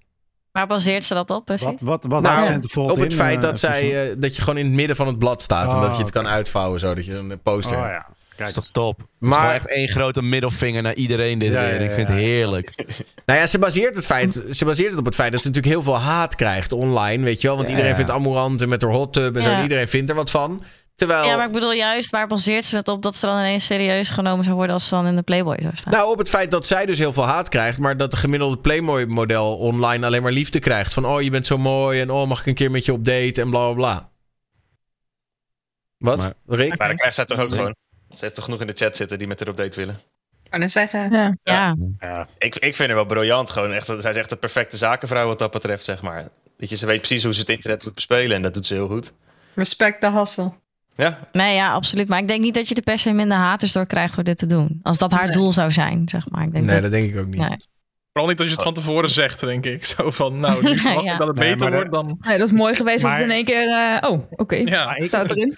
ik denk ook, ik denk ook Ja. de mensen die haar al kennen van Twitch, die zullen altijd zien als Amarant van Twitch. En niet, oh, staat in de Playboy, dus ze is niet meer van Twitch, maar ze, ze zit nu in de Playboy. Ik denk dat ze altijd die label wel opgekrijgt, eh opgeplakt. Ik denk alleen dat ze misschien hoopt ze zeg maar dan via de Playboy dat er zeg maar mensen naar andere platformen komen en dat het percentage mensen dat respect voor haar heeft zeg maar dat dat misschien dat die balans misschien wat eh, eh, wat verandert. Misschien dat dat eh, het idee erachter is. Dat zou op zich wel kunnen gebeuren trouwens, denk ik. Maar verder, ik denk dat mensen die er al online kennen gaan niet nu opeens denken oh je staat nu in de Playboy, oh ja nu vind ik je geen nare woorden, insert nare Ik denk niet woorden. dat zeg maar. inderdaad een mening van mensen dan in één keer omswitcht. Dan moet... Nee, maar dat is ook niet, het- dat is ik niet het doel. Het is gewoon een middelvinger. Nee, nee. is. Ja, nee, ja, dan, dan en- is het een goede set. Gewoon fuck de haters, man. Kijk wat ik doe. ja. Ja, en gewoon goed geld verdienen. Ja. Ja, dat ook.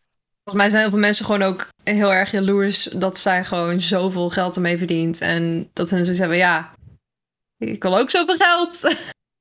maar dat werkt Ja. niet. Wel. Ja, terecht. Maar ze werkt wel echt super, super, super hard. Uh, nou, hard werken, ze, ze werkt veel. Ik zou nou ja, veel. Ja, oké. Okay, Vind jij niet dat ze hard werkt? Slim. Nou, ik vind het, nee, ik vind het geen hard werken. Als zij uh, gewoon een uh, Masterchef kan kijken terwijl ze een microfoon likt, vind ik dat niet per se hard werken, maar wel veel. Ik vind dat twee verschillende dingen. Ik vind het bij mezelf hetzelfde verhaal. Maar wat, is, wat, is, wat, wat, zou, het wel, wat zou het wel hard werken maken? Als er veel geshout moet worden of zo? Ja, als, er veel, als, je, als je aan het einde van de dag dood op in je bed ligt... omdat je zo hard gewerkt hebt. Sorry, maar volgens mij lichamelijk is dat echt zwaar wat zij doet hoor. Ja, dat denk ik ook. is best zwaar. dat, is, dat is echt pittig. Ga jij maar eens gewoon, ik weet niet hoeveel uur lang... Dat is nu Just Dance aan doen, dat is wel pittig. Ze heeft ook wel eens gezegd dat ze bijvoorbeeld die hot tub streams... dat ze dat maar één keer in de week doet. Omdat ze anders zeg maar helemaal gewoon weet je wel, allemaal klachten krijgt met, uh, met haar huid die helemaal uitdroogt. En weet je ja. wat allemaal, omdat ze oh, dan te lang in het bad zit. Ja, Op een gegeven moment laat je huid ook los, hè? Als je het is toch ook gewoon koud? Dat zie je. Ja.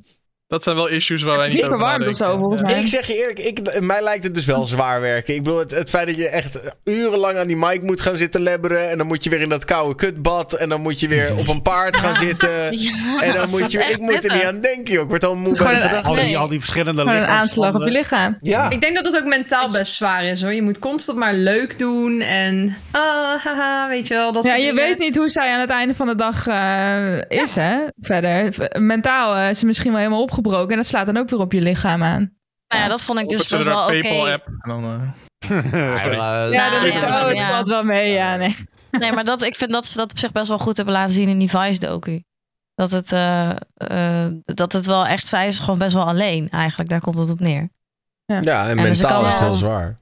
Ja, ze kan miljoenen fans hebben, maar uiteindelijk, ja, ze doet ze wel alleen het licht uit in de avond. En ja, kan ze er eigenlijk met vrij weinig mensen over praten. Dat is eigenlijk ook best wel sad. En dan kan je nog zoveel geld hebben, maar dat maakt het dan ook niet goed. Ja. Nu we het hebben over uh, heel veel. Uh, uh, nou, even een klein tussenstapje. Is een beetje een soort verlengstuk op wat, waar we het net over hadden.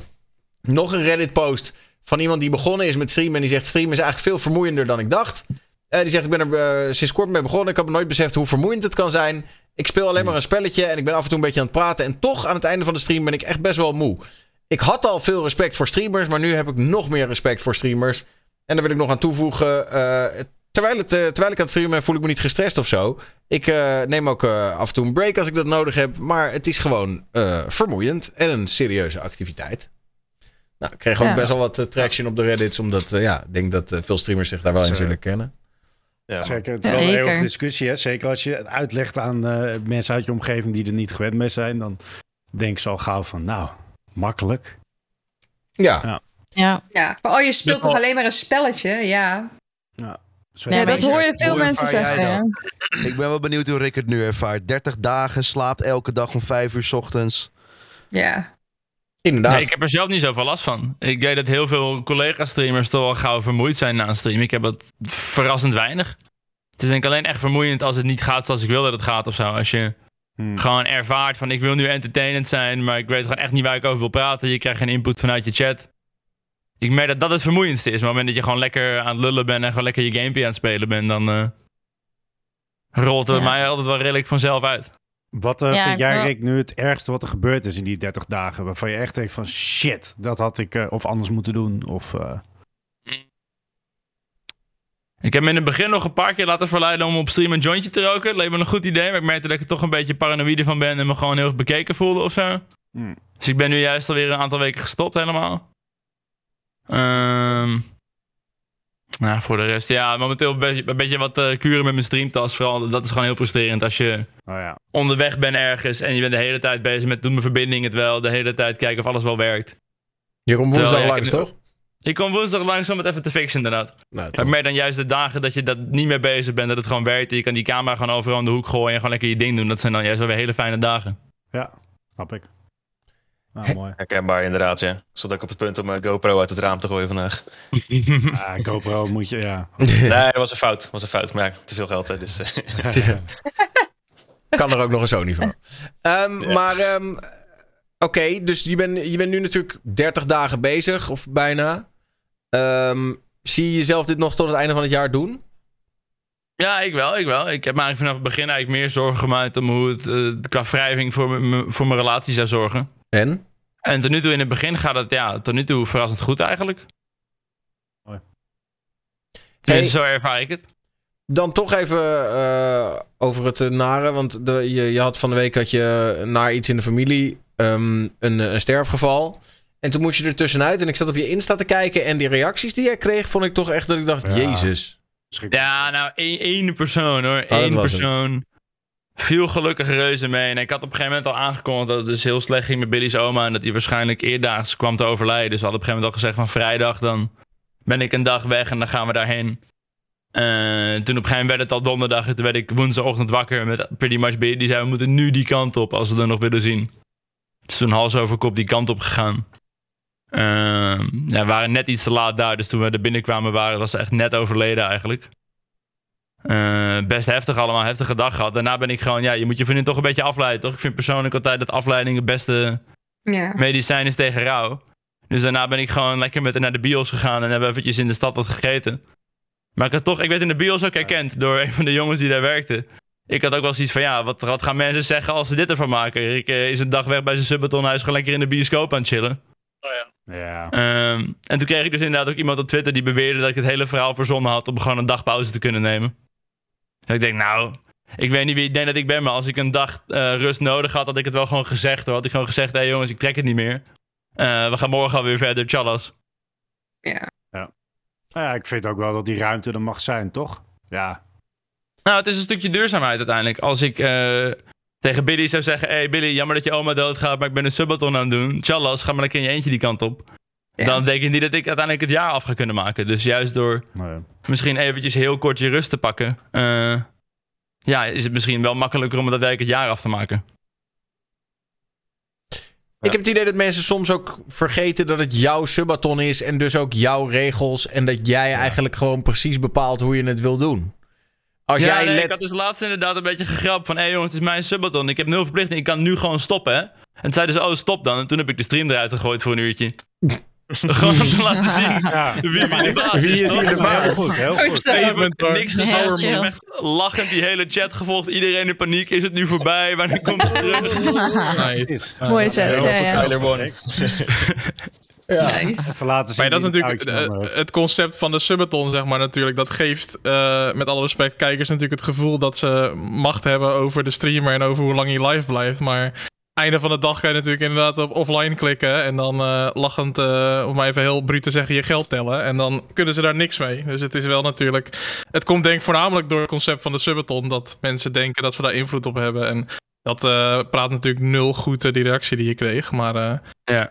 Wel door het concept, denk ik. Ik denk dat het bij normale streams veel minder vaak voorkomt. Of andere mensen moeten die ervaring ook hebben. Dat mensen, dat kijkers, nou ja, met welke games spelen en zo zie ik wel vaak voorbij komen van speel dit, speel dat. Maar ja. Voor de rest, uh, ja, je bepaalt zelf wanneer je live gaat en hoe lang je live gaat, toch?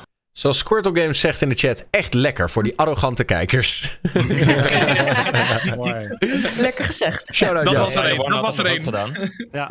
Nee man, wij betalen. Ik vind dat Rick mijn eigendom is. Hoorde ik iemand... Rick? Zo, uh...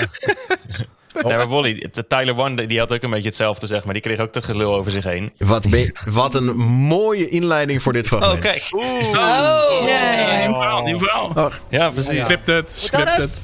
Opbrug dit. Smiley face. Thanks at three, bud. Even if we gave you more, you would still live in that shitty trailer home. Without us, you'd be eating Chips Ahoy from that gas station. You owe us another hour, Big D. Kids, let me. You. We don't understand who runs the fucking show here, apparently. Huh? We don't understand? Let me show you. Ja, en toen zette hij zijn stream uit. nou, mooi. Oh, baas, jongen. Echt een baas. Kijkers eisten dus, voor de mensen die het niet volgen, kijkers eisten dus een uur extra streamen. Je moet een uur langer door, want jij bent van ons. En toen zei hij, uh, nee, dat moet je helemaal niet. Doei. Ja, ja prachtig. Ja. ja. Maar uh, nog even terugkomend op jou, Rick. Dus uh, ja, jij doet het eigenlijk een beetje zelf uh, zoals je het ziet. Hè? Maar, en je had wel, ik zag wel iets op Twitter over dat je nou het gevoel hebt dat je toch weer opnieuw moet beginnen voor het record. Nou, ja, ik, ik vind dat ik toch niet meer kan beweren dat ik al een maand lang non-stop live ben geweest. Omdat ik er toch al een hele dag met een goede reden wel uit ben geweest. Ik vind wel, als ik wil zeggen, ja, voor, voor, voor het tellen begin ik dan denk ik toch. En volgende week is dan de uitvaart, ben ik er weer een dag uit. Ik denk toch wel voor mijn persoonlijke record toch vanaf dan begin met tellen of zo. Ik vind, je mag best even een uurtje weg zijn met je Ziggo eruit ligt, maar een hele 24 uur break nemen vind ik wel... Er is sowieso geen officieel record, dus het maakt allemaal niet zo heel veel uit. Maar voor mezelf voelt het dan toch wel als een beetje als opnieuw beginnen of zo. Ludwig, die heeft natuurlijk slechts een maand gedaan, die Subathon. Maar in die maand is hij er ook twee keer twee dagen uit geweest, toch? Oh, Wil? Ja, volgens Nee, mij, nou ja, in ieder, geval, in ieder geval een hele dag. Dat weet ik sowieso, omdat hij toen iets moest doen en toen zat er een ander... Dus er zaten heel vaak Ja, maar- andere gasten op die stream. Ja, precies. Hij heeft hem wel aan laten staan en hij heeft dan andere mensen gezegd... joh, run jullie even de Ja, stream. zat er gewoon iemand anders in die stoel. Eh, komt Walter hier invallen als ik bij de uitvaart ben. Oh, oké. Ik, ga, ik ga hem donderdag een dag voor ik overnemen, zeg maar. Zo, dus zo. dat was zo'n- zo Maar ik van, vond- ja, oké, beter, beter Walter dan geen content. Dus dat was een beetje... Dat was wel een beetje het idee, maar mensen, veel mensen vonden het ook alweer Daar stom zullen de meningen over verschillen, maar... Ze hebben heel veel geld betaald om die timer te pompen. En die loopt dan wel af terwijl Walter in beeld is. Dus we hebben besloten dat als Walter de stream runt, dan telt de tijd voor de helft. Dus het uur dat Walter Zo, streamt, zo voelt gedeeld het ook een beetje als je mijn stream kijkt, toch? Het is Als je mijn 50% stream minder kijkt, voelt het ook als een hele lange tijd. Dan verrekenen we dat op die manier. Dan zijn de kijkers ook weer tevreden. Ik ben hartstikke coulant. Ja, fair enough. Oké. Nou ja, in ieder geval nogmaals eh, gecondoleerd Rick. En eh, blij dat je er weer, eh, je. dat je er weer bent. Ehm, even een serieus topic. Eh, we hadden het net al over hoe zwaar het wel niet is om te streamen en zo. Wat natuurlijk soms ook wel erg meevalt. Ehm, maar ehm, Nessim eh, van eh, Supergaande. En die we ook natuurlijk kunnen kennen als grote mattie van QC. maar ook als comedian, ehm, muzikant. Wat doet hij eigenlijk allemaal niet? Die heeft een post geplaatst op Insta. Oh, sorry, verkeerde. Deze. En daarin eh, zegt hij: eh, Ik ben opgegroeid met de mentaliteit van gewoon man zijn en doorgaan. Geen emoties tonen en doorknallen. Als man praat je niet over je emoties. Huilen, dan ben je een pussy of zo. Je gaat toch niet lopen janken? Afgelopen jaar heb ik hier de prijs voor moeten betalen. Ik kwam in een depressie terecht waar je niet goed van wordt. Ik had enorme negatieve en ik vind het naar om te zeggen, maar zelfs suïcidale gedachten. En ik ben er destijds gedeeltelijk uitgekomen door heel veel met een psycholoog te gaan praten en te werken aan mijn mentale gezondheid. Gelukkig heb ik een geweldige vrouw die mij hierin heeft gesteund. De afgelopen tijd zit ik weer niet lekker in mijn vel. En heb ik echt moeite met telkens maar mijn masker op te zetten om voor jullie de hele tijd blij te doen. Dat is ook een beetje het probleem van social media. Iedereen zie, eh, zie je alleen maar lachen en leuk doen. En oh, wat is ons leven toch zo tering geweldig. Ehm, even kijken, waar ben ik gebleven? Eh, ik heb moeite met sociale contacten onderhouden vanwege eh, mijn shit in mijn kop. En soms is het moeilijk om uit te leggen, ja, wat is dat dan precies? Wat voel je? Hoe voel je je? Soms zijn het gewoon demons in je hoofd waarmee je in strijd bent. Ik eh, geloof gewoon niet dat ik de enige ben en daarom wou ik dit even delen. Ik hoop voor mij en vele anderen dat we deze periodes ook weer zullen overwinnen. En ik wil nog even zeggen dat het oké is om te praten over je gevoelens. Het is oké om je emoties soms los te laten, ook als man. Ik had en heb soms nog steeds de enorme behoefte, eh, eh, of soms enorme moeite met echt praten over hoe ik me voel. Vraag mijn vrouw maar. Maar ik doe echt mijn best om te praten, zodat het van mijn chest is en ik op zoek kan naar oplossingen. Nou goed, genoeg gejank voor vandaag. Ik moest deze shit even kwijt. Love. Love. Nice. Ja. Ja, Heel goed. mooi. Ja, Ja, respect. Ja. Ja, logisch. Ja. En eh, mooi dat hij het ook... eh, want ja, in zijn... eh, ja, laten we eerlijk wezen, in zijn scene... is dat natuurlijk niet altijd even makkelijk om te doen. Dus ja, mooi dat hij het zo toch kan luchten. En Maar, niet alleen door- doordat hij het lucht, maakt hij het ook bespreekbaar voor anderen om het ook te doen. Waardoor ze dus niet iedere keer maar gaan totdat ze op barsten staan. Niet te lang doorgaan, niet te ver. En gewoon ze zeggen van ja, nee, ga, het gaat gewoon niet goed nu. Ik moet nou gewoon even een tandje terug, want het gaat gewoon niet. Maar heerst dat, heerst dat dan heel erg onder mannen dat ze dat niet durven te uiten, omdat dat dan niet mannelijk is? Nou stoer? ja, ik, eh, weet je, ik, ik heb zelf de afgelopen jaren er ook mee, eh, eh, mee, mee rondgelopen momenten. En, en je merkt toch, ik zat destijds zat ik in het bestuur en moest ik van alles regelen, noem maar op. En je merkt dan toch dat je daar, eh, ja, dat het dan toch een bepaalde manier van schaamte en een bepaalde manier van, van, van eh, eh, zwakte is als je dat dan toont ten opzichte van, ja, mensen. Je bent toch bang dat mensen het niet begrijpen of dat mensen het niet snappen. Ehm, dus ik, ik, ja, die schaamte is er zeker bij, eh, bij mannen. Ehm, Ja, maar ik denk, ik, ik denk niet. Ja, dat, dat is bij vrouwen toch ook. Als in, ja, Ja. ik bedoel. eh, ja, alleen ik, gevoel is het verschil- algemeen. Denk ik. Ik denk dat het verschil toch heel erg ligt in eh, de man wil graag eh, natuurlijk ja, zich tonen dat dat eh, ja, het is natuurlijk algemeen bekend dat, dat mannen liever niet huilen waar anderen bij zijn. Niet hè, nu, nu schikt over dat het zwart-wit is, maar dat is zeker niet zo. Mhm. Maar je wilt toch altijd een soort alfa tonen dat je, hè, dat je overal dat je sterk bent. En dit is natuurlijk onderdeel van dat, dat je juist niet sterk bent. Dus ehm, eh, ja, Ja. je hebt gelijk, hè? vrouwen natuurlijk ook. Alleen ja, mannen hebben toch het soort stigma gekregen door de jaren heen, door de, door de eeuwen heen. Van nee, eh, de man, eh, hè, als je kijkt naar 100 jaar geleden, is de kostwinner, moet alles doen, noem maar op. Mhm. Eh, ja, en dat is gewoon niet zo. Het is gewoon heel Ja. erg nog de schaduw van de, de boomers, zeg maar. Het is zo ingeprent, ook in onze ouders nog. En dat begint zich nu eindelijk een beetje uit de generaties te werken van... Yo, nee, dit is gewoon niet, niet oké. want heel veel mannen kampen ook gewoon met, eh, met depressie. Eh, Ja. Zelfmoordcijfers zijn ook hoger onder de mannen dan onder de vrouwen. En daarom moet daar ook gewoon eigenlijk... Het moet gewoon kappen. We moeten gewoon... We zijn allemaal maar mensen en we kunnen allemaal maar zoveel. Ja. ja, ik vind het dus juist heel krachtig, juist als een man zich durft uit te spreken over Ja. wat hij voelt. En eh, ja, ik, ja ik, zou, ik vind het bijna erg om te lezen dat, dat een man dat. Ik snap het wel. Ik snap dat dat, dat, dat dat mannelijke is. Maar ik vind het juist heel krachtig als een persoon, of het nou man of vrouw is, zich open durft te stellen in wat hij of zij voelt. Zich kwetsbaar durft te maken Ja, van... Hey, ja. yo. Ja. Ja. Maar het is Maar dat is ook vaak- vrij lastig hoor, als je door zo'n periode zelf heen gaat, zeg maar. Want ik heb ook ooit zo in ja, zo'n soort situatie gezeten, zeg maar. En dan heb je echt zoiets van, ja, maar ik kan naar vrienden toe gaan, maar niemand zit op mijn gezeik te wachten, zeg maar.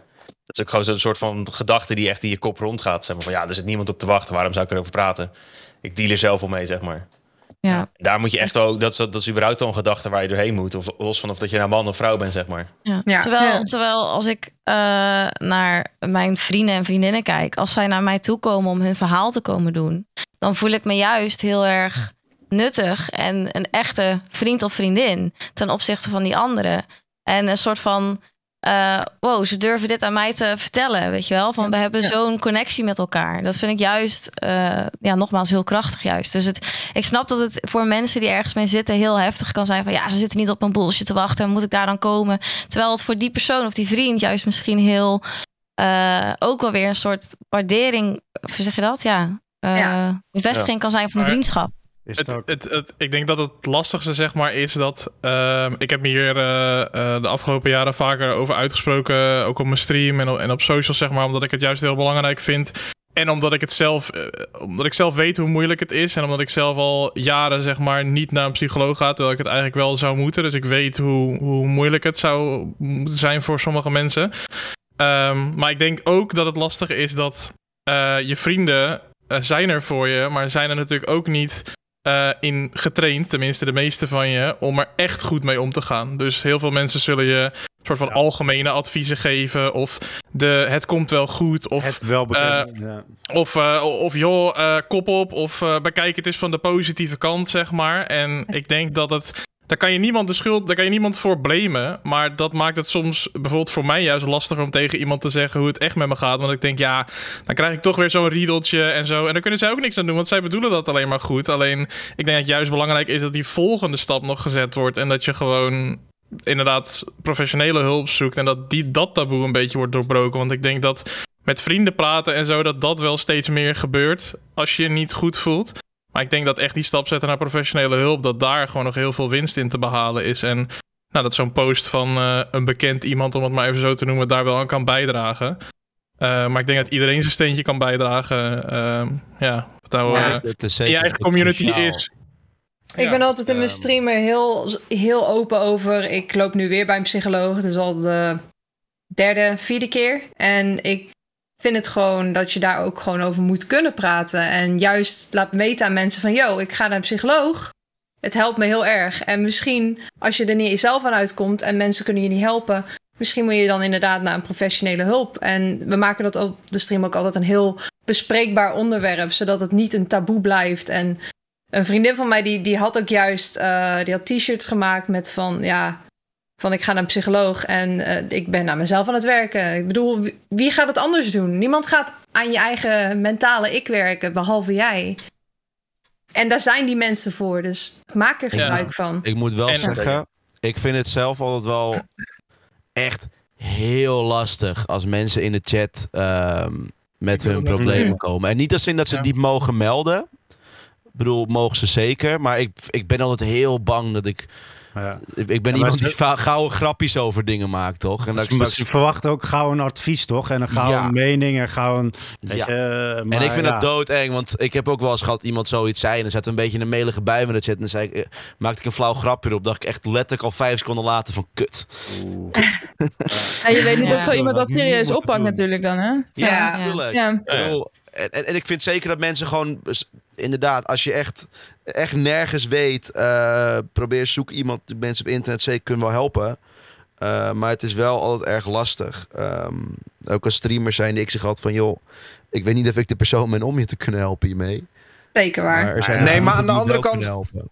Aan de andere kant vind ik wel vaak, want weet je wat ook wel veel gebeurt, heb ik het idee, eh, dat eh, de professionele hulp zoeken is altijd goed natuurlijk. Alleen soms hebben mensen ook, weet je wel, er zijn ook genoeg mensen die, die omringd zijn door allerlei professionele hulp, maar die juist zeg maar het gewoon tekort komt aan vrienden die naar ze willen luisteren, weet je wel. Ja. Dat, Ja. dat Mhm. moeten we niet vergeten. Dat zeg maar, dat professionele hulp is goed en is belangrijk. Maar vaak heb je ook wel de behoefte aan iemand die je echt voelt, die naar je wil luisteren. Nee, en dat is vaak, komt dat toch nog wel wat, wat sterker binnen dan, eh, weet je wel, dan iemand die je eigenlijk niet kent. En die dat, die dat doet omdat hij ervoor betaald krijgt. Ehm, ja, maar je dus, moet ook een beetje misschien de, de kijkers ook een, gewoon wel. Natuurlijk wat ik zeg, je moet ook wel zeggen van joh, er is hulp. Maar ook gewoon wel zeggen van joh, hey, dat doe ik ook al vaker bij. Van als je echt kut voelt, weet je, hou de stream lekker aan. eh, ga, lekker, eh, ga lekker zitten, chat een beetje mee. En kom lekker babbelen. Want je kan beter afleiding zoeken. Want ik weet niet of ik echt mee kan praten over diegene zijn problemen. Maar ik wil best wel een omgeving aanbieden waar je gewoon lekker chill jezelf mag zijn. Ja. En mag gewoon mag chillen Ja. met de rest, toch? Dat. Ja. Ik, ik denk ook dat we zeg maar. We even als streamers of, of wat je, hoe je jezelf dan ook ziet, content creator, whatever. Eh, ik denk dat we niet per se inderdaad een platform moeten zijn voor mensen om hulp te bieden. Maar wel om, zeg maar, wanneer je dat zelf wil natuurlijk, om ook gewoon eh, duidelijk erin te zijn dat het heel normaal is om je af en toe niet oké te voelen en daar dan over te praten. En het hoeft inderdaad geen eh ja, trauma-dump kanaal te zijn. Maar ik denk wel dat het goed is om aan te kaarten ik denk dat dat gewoon een soort lopend proces is. Ik denk ook dat er... Er zijn vast ook heel veel mensen die denken... Jeetje, moet dit nou weer? En moeten we nou echt zo de nadruk leggen op dat het kan? Je kan toch gewoon zeggen wat je wil? Maar ik denk nog steeds dat heel veel mensen... Voor heel veel mensen die drempel heel hoog ligt. En eh, ja, of niemand hebben om naartoe te gaan. Maar er zijn... eh, Volgens mij anonieme eh, of best wel wat, wat alternatieven. Ik liep laatst nog langs een bord in Amsterdam. Dat geloof ik de gemeente Amsterdam nu ook een website heeft geopend. Waar je 24 uur per dag volgens mij gewoon kan chatten online anoniem met iemand als je even je hart wil luchten over iets of zo. Er zijn apps, er zijn, weet je, er zijn echt wel opties. En, eh, ja, Weet je- en daar weet je wat ook het beste is? getraind Zijn, zeg maar, niet, Wat ik eh, altijd wel heb, je kan, je kan honderd keer zeggen... Oh ja, weet je, je mag je problemen kwijt. En iedereen heeft wel eens kut. Als streamer zijnde, als je echt ermee wil helpen... Wees zelf dan ook gewoon een beetje kwetsbaar. Als jij ergens mee zit, durf het ook gewoon te zeggen. Ik bedoel, ik heb ook wel eens mensen in mijn chat. Zeg ik ook gewoon, hé man, ik jank ook om, om de week wat er iets is. Als er iets is, ga, ben ik ook gewoon een man. Je hebt ook gewoon emoties. Maak het ook toonbaar voor de rest. Dat, dat iedereen gewoon zo is. In plaats van zeggen, ah, je mag gewoon emoties hebben, is oké. Nee, kom gewoon met je eigen shit. Ja. En dan laten mensen ook zien van, hé, als er wat is, niet alles gaat om... Het is niet allemaal roze geur en maneschijn. Eh, precies. Zoals mensen inderdaad ook zeggen bij mij in de chat al van... eh, hey, hoe is het eh, met je? Nou ja, oké. Ik zeg gewoon echt letterlijk tegen mensen... als het gewoon kut gaat, om het maar even zo te zeggen. Want het gaat niet altijd, iedere dag, top. En het is niet altijd, oh leuk, enthousiast, vrolijkheid en zo. Nou ja, nee, ik denk dat inderdaad wat jij zegt... ook wel die eerlijkheid daarin wel heel belangrijk is. Want dan toon je het aan de rest. En dan ja, Ja, dat het is niet je altijd gaat eh, streamen. happy. Een hoge Ja. drempel. Want heel veel mensen krijgen een illusie ook. Dat, dat misschien wij misschien niet. Maar van mensen met internet. Oh, kijk die streamers. Die hebben het zo leuk. En Ja. ik zit hier heel kut in mijn kamer. Nou, als die stream uit is en ik zit ook met shit. Zit ik ook gewoon kut op mijn kamer soms. Ja, dat... Weet je, ik ben misschien heel nuchter daarin. Maar het zit niet altijd mee. Maar we moeten het niet wegstoppen. Nee. Ik bedoel, als jij moet janken, ga even janken. En, en eh, als je Het lucht iemand hebt, op. kom Ja, inderdaad lucht gewoon bij op. die stream. En kom lekker meelullen. Weet je, Ja. probeer. Het is misschien makkelijker gezegd dan gedaan, tuurlijk. Ehm, maar het, het, het, het is uiteindelijk de eerste stap is gewoon doen. Ja. Ja. Probeer het. Ja, ik heb dus zelf een, eh een venting kanaal in mijn Discord. En dat is expres. En ik wijs ook mensen daar naartoe. Van als ze zeggen bij mij in de stream van hey, eh, ja, het gaat eigenlijk gewoon niet zo goed. En dan zeg ik, nou, als je niet wil vertellen, hoef je het niet te doen. Maar er is wel een kanaal voor in Discord. En ja, die wordt gewoon onwijs veel gebruikt. En ik merk ook dat vooral andere mensen uit de community... die hebben dan een soort gelijk iets meegemaakt. Of dan beginnen ze er echt over te praten met elkaar. En ja, of het, ja, al helpt het maar een beetje. Maar ik merk dat het gewoon heel veel gebruikt wordt. Nee, ik vind het echt een goed idee, een venting Discord kanaal. Ja, Dat is wel nice inderdaad. mooi. een soort ja, hebt. eh, dumpkanaal voor, eh, voor problemen. En kun je elkaar een beetje feedback geven of zo. Ik wilde, wel Ja, ik wilde daar wel even bij waarschuwen. Dat ik wel eens eerder heb gehoord dat zoiets natuurlijk ook een beetje uit de hand kan lopen. In het feit dat mensen elkaar ook een beetje kunnen gaan stimuleren in de negativiteit. Daar moet je ook voor oppassen. Ik zeg niet dat dat gebeurt is. Maar, Mm. maar, maar, maar wees daar ook bedacht op. Dat het natuurlijk ook een soort van. eh, Ja, nou ja, vooralsnog eh, is het juist heel supportive. En eh, ik denk dat als stel dat zou gebeuren, dan inderdaad eh, moet daar ook op ingegrepen worden natuurlijk. Maar vooralsnog is het echt super supportive. En ja, ik heb wel het idee dat mensen er echt wat aan hebben. Een tip, Nog laat, als je een venting kanaal hebt, zorg dan ook dat je een feel-good kanaal hebt. Waar je alleen maar Hmm. positieve dingen juist in gooit. Zodat mensen niet alleen op het slechte blijven focussen, maar ook daarin kunnen kijken. Dat het, ja, Ja. dat is ook altijd fijn- wel een goede. Ik zag laatst ook voorbij komen. Iemand die had zo'n venting kanaal, maar die had zeg maar ingesteld dat je kan er een bericht typen en versturen, maar je ziet zeg maar eh, je kan dus de berichten niet lezen, dus alleen de mods en zo en en zeg maar een soort vertrouwenspersonen uit je community waarvan je zeker weet dat ze geen misbruik zullen maken van bepaalde situaties, kwetsbare mensen of wat dan ook. Die konden dan wel de berichten lezen, maar dan was het bijvoorbeeld echt als kanaal waar je het even van je af kon typen en op enter kan drukken en dat het dan soort van even weg is of zo. Ehm, dat kan je eventueel ook nog instellen bijvoorbeeld. Ja, dat is wel een goeie, eh, ja. Zal ik voorbij komen. Even iets anders. Ehm, even tussendoor, ik zag er straks dat is een leuk nieuwtje. Instagram ondersteunt eindelijk uploads vanaf PC. Wat natuurlijk fijn is voor mensen zoals wij die het liefst de hele dag achter Heel ons chill. PC zitten. Ehm EA is super teleurgesteld over de release van Battlefield 2042.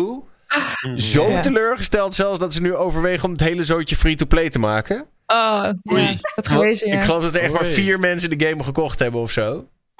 Ja, ik, ik ben een van de vier. Ja. Maar viel tegen ook? Ehm, nou ja, ik vond het wel bijzonder dat Hovercraft flatgebouwen op konden rijden, zeg maar. Dat, ja, er zitten, er zitten gewoon, het zit vol met bugs. Ehm, ik speel het ook nu niet meer.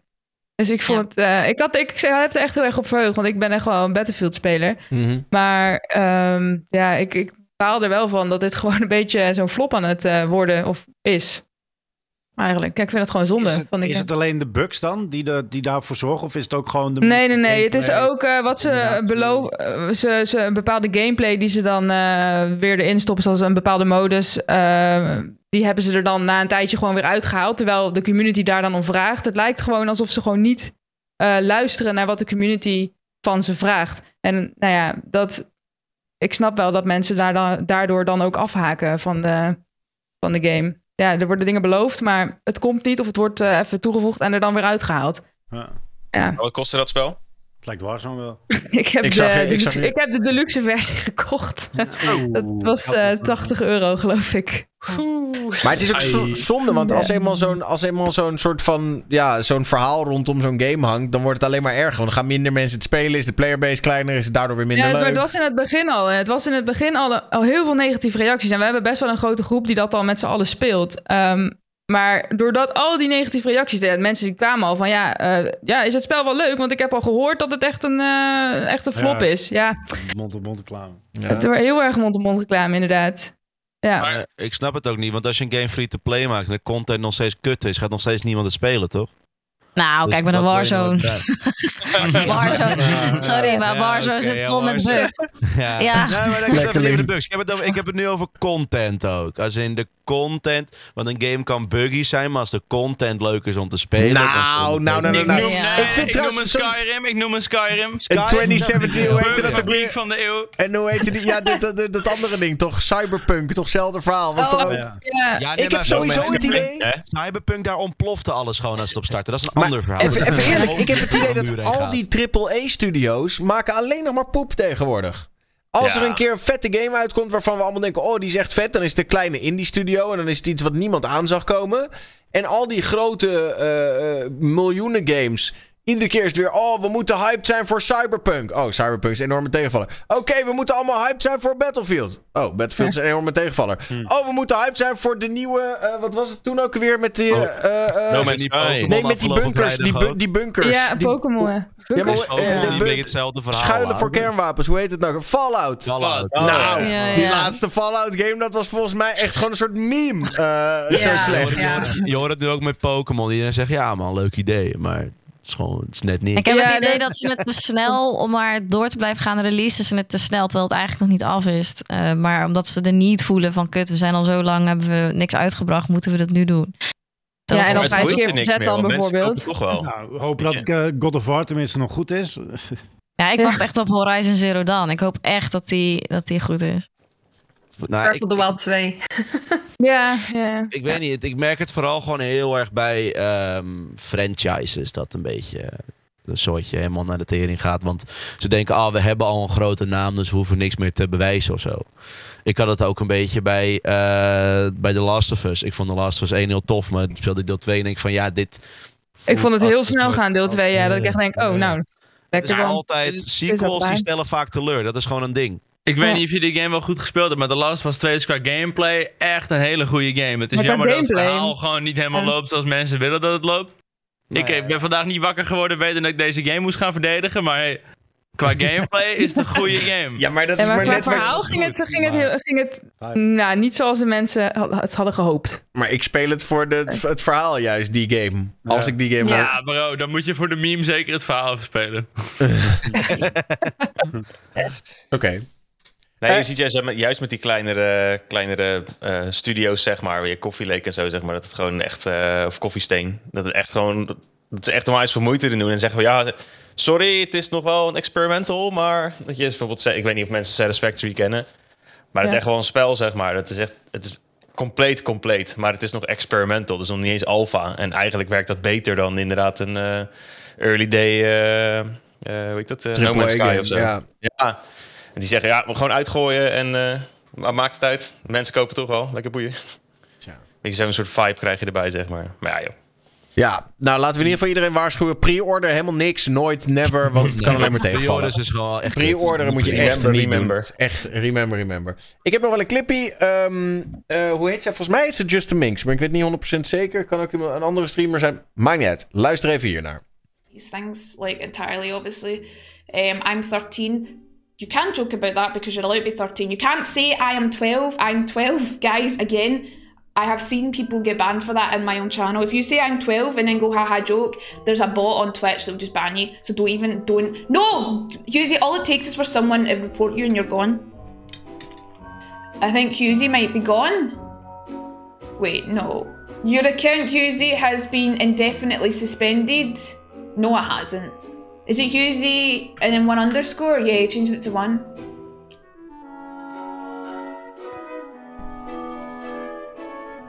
I, I don't even know what to say.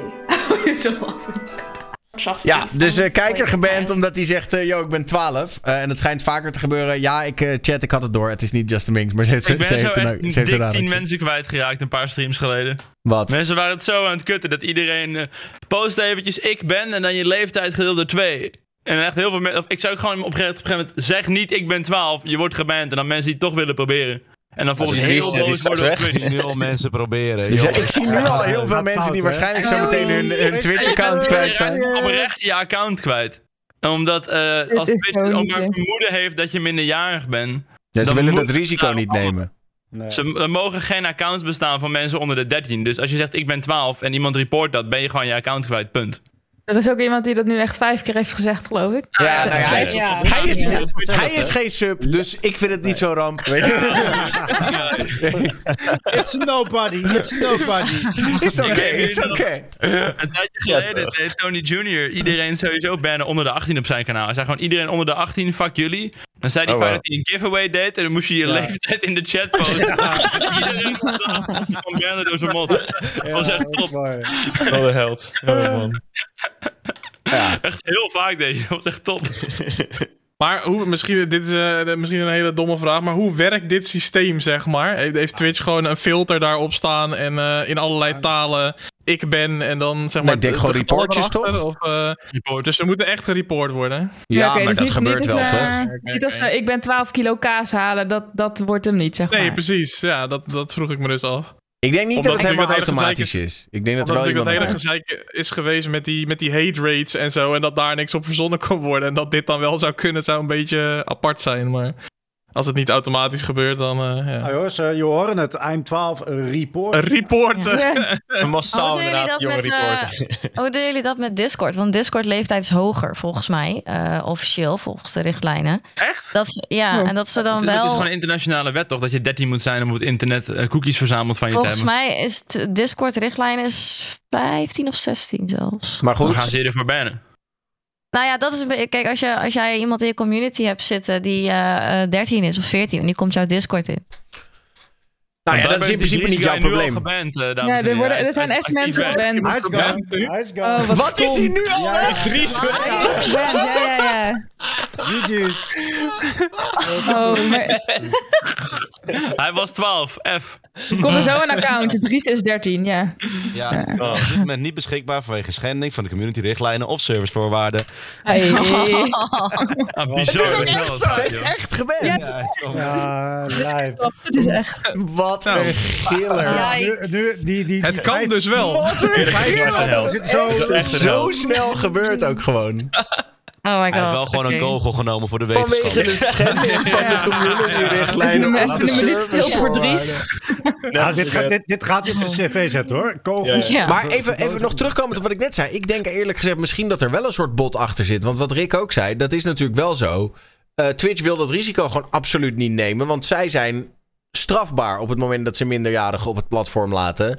En dat is natuurlijk wel een rechtszaak die je absoluut niet wilt hoeven voeren natuurlijk. Dus ik kan me zo voorstellen dat ze er misschien wel een soort bot op hebben zitten. Van, yo, ik ben, eh, ik ben 12, oké, weg ermee op. Of is het niet zo dat de chat nu gewoon meegeholpen heeft aan dit experiment? Die zullen hem vast honderd keer Ja, gereport report hebben, dat denk ik wel, ja. Maar ja, dat, Ja. Ja, dat weten we dus niet. Dat- Ja. Ik heb het even snel opgezocht. Mijn Discord is 16 plus in Nederland. Oké. Oké. Kan iemand even testen Ik ga of even ik ben bellen, denk ik. 143 maanden ook werkt? Ja, wie, wie offert zich op? Wat ik zelfs hoorde trouwens is eh, dat eh, sommige eh, gebruikers die reporten zelfs dat, eh, dat ze dus geband zijn. Niet omdat ze zeiden dat ze minderjarig waren, maar omdat Twitch de account creation date, date had zitten terugrekenen of zo. En dat dat dan uitkwam op, oh ja, je moet Oh, minderjarig zijn geweest toen je je account aanmaakte. Zo is Billy ooit een Twitter-account kwijtgeraakt. Oh ja? Ik deze zomer moment- nog. Had zij eh, eh, haar leeftijd aangepast later. Want toen ze de account maakte moest je 13 zijn. En zij was toen waarschijnlijk 12 of zo. Jaren geleden. En toen retroactief, echt een paar jaar geleden, had ze opeens de geboortedatum aangepast. En toen zei Twitter opeens van, oh, maar toen je je account aanmaakte was je dus 12. En dan hebben ze er geband. Ik heb het Ja. afgelopen zomer, maar het valt op te lossen. Je kan dus een heel formulier invullen. Moet je echt foto's van je paspoort meesturen. Dus ik had hem na anderhalve dag weer terug of zo. Ik dacht, ah, ik zet mijn geboortedatum er even in. Is leuk. Krijg die ballonnetjes als ik jarig ben. En dat was echt een kut idee. Binnen vijf minuten gewoon, hup, weg. Je bent Ik gewoon zie- verbannen. Het is super snel. Ik zie iemand die zegt, zo ben ik mijn Paypal kwijtgeraakt. Maar bij je Paypal liegen over je geboortedatum is ook wel echt dom. Dat is ook wel echt niet slim. Inclusief het geld wat erop stond. Dat is... Ja. Zuur. Yikes. Ja. Oh. Ewa, ja. Ehm, oh ja, de- over bans gesproken. Twitch heeft dus die banmelding aangepast. Hè? Je ziet nu of iemand geband is en waarom. Dus bijvoorbeeld, eh, nou, als ik kijk naar het kanaal van eh, onze Dries, waar we het net over hadden, dan, eh, dan staat daar nu dus. topic, hè? Die, Ja, ja, ja. Ja, dan staat daar nu deze melding. Dit kanaal is op dit Vrienden moment Dries. niet beschikbaar vanwege een schending van de community-richtlijnen of de servicevoorwaarden van Twitch. Dus het is niet meer alleen Deze- die tijdmachine-melding. Deze man carryt jouw talkshow wel vandaag. eh. Free content. Ja, ja, ja. Ja, dat. En dan eh, de, de grote rel rondom Joe Rogan en Spotify. Dus Joe Rogan die maakt al heel lang een podcast. En eh, die heeft hij een paar jaar geleden verkocht aan Spotify voor een monsterbedrag. eh zoveel miljoen per jaar. Alleen Joe Rogan die houdt ervan om allerlei soorten mensen uit te nodigen. Waaronder ook mensen die in Amerika ook wel als wappie zouden kunnen worden betiteld. En hij heeft een paar van die mensen heeft hij een beetje wat onwaarheden laten spuien over het coronavirus. en toen had muzikant Neil Young zoiets van... nou, ik vind het eigenlijk niet kunnen op Spotify... dus ik wil al mijn muziek van Spotify aftrekken. en sindsdien is er eigenlijk een enorme rel over soort Joe Rogan versus Spotify. toen was er ook weer... Ehm, hoe heet hij ook weer? Die, die Britse zanger die allemaal van die huisvrouwenmuziek maakt. hoe heet hij ook alweer? Help mij even. Britse zanger, huisvrouwenmuziek. James Blunt, die had al gereageerd. Als Spotify niet het contact met Joe Rogan verbreekt, ga ik meer muziek uploaden op Spotify. Pas maar op. Dat vond ik ook wel leuk. hij, is, hij altijd wel goed in die uh, ja. comebacks. Dus uh, dat. Nou, wel goed om te weten dat James Blunt uh, huisvrouwen, of wat zei je nou? huisvrouwen ja, ja, Ik had geen idee over wie het had. Wat hebben jullie geen idee? Iedereen in de hele chat zijn meteen James Jawel. Blunt. Oh. Oh. oh. nou Lien, uh, nou, ik niet hoor. Um, Oké, okay. maar ik ben geen huisvrouw, denk ik. Wat, maar ben je fan van James Blunt? Nee. Nou ja, dan zit je goed, toch? ja, oké. ja. um, maar de vraag is natuurlijk, ik vind ergens... je kan Joe Rogan een lul vinden. Nee, je kan de mensen die hij uitnodigt stom vinden. Maar dat hele geboycott van een platform. Van oh, hij roept iets waar ik het niet mee eens ben. Dus boycott ik het hele platform. Dat vind ik een beetje kinderachtig en kut. Is mijn mening. Ja. Luister dan niet naar zijn podcast. Ja, dat zou ik dan ook denken, toch? Ja. de mensen die hij dan uitnodigt en de mensen waar jij het dan niet mee eens bent. Ja. Let niet op die mensen. Kijk ze niet aan. Zoek geen dingen van ze op. Weet je wel. Doe alsof ze niet bestaan. Nou. In plaats van Heisa. Nu geeft het alleen maar extra aandacht. Dat. Er gebeurde niks tegen de richtlijnen van het platform in, zeg maar, toch? Ik heb dit echt niet gevolgd, sorry. Maar zeg maar dit verhaal. Hij deed niks tegen de richtlijnen van het platform. Nou ja, volgens mij heeft Spotify ook niet hele lijpe richtlijnen. Spotify is natuurlijk niet echt een streaming platform first, toch? Dus die hebben niet soort community guidelines zoals Twitch dat heeft. Volgens mij is de richtlijn op Spotify, yo, jat onze copyrighted content niet. Tjallas. Dat is een beetje de, ja. Ja, nee, ja, dan wordt het uh, lastig. Ik heb wel zoiets van, als jij het er dan niet mee eens bent en je wilt daardoor gewoon geen Spotify meer gebruiken, ja prima, dat is toch, toch jouw keuze. Ah, dus Verder, ja. Mensen zeggen nu wel van ja, hij verspreidt leugens alsof het waarheid is. Ja, oké, maar is dat, ja... Het is ook niet alsof hij pretendeert om een nieuwsprogramma te maken. Dat vind ik het ook een beetje, weet je wel. Ik bedoel, ja. dat doet Robert Jensen doet dat toch ook in Nederland nu. Die maakt er ook een YouTube-show die, aan de die van leugens aan elkaar hangt. En dat weten we allemaal vind ik dat je er niet naar zou moeten kijken. Nee, ik vind niet dat je er naar zou moeten kijken. Maar vind ik dat hij gecanceld moet worden? Nee, dat vind ik ook niet. Ik bedoel, laat hem die bullshit maar roepen. En laat andere mensen maar zeggen dat het bullshit is. Ja, je hebt toch ook de Flat Earthers. Die doen toch ook gewoon hun eigen ding. En laat ook niemand gewoon... kwaad, ja. Ja, ik wil zeggen, zolang niemand er direct pijn van heeft of zo... Laat... live and let live, weet je wel. Laat ze gewoon maar rust. ja, en wat natuurlijk vooral dit deze hele gezeik zo interessant maakt, is dat uh, Joe Rogan echt een flinke deal met Spotify heeft. Hele dikke deal.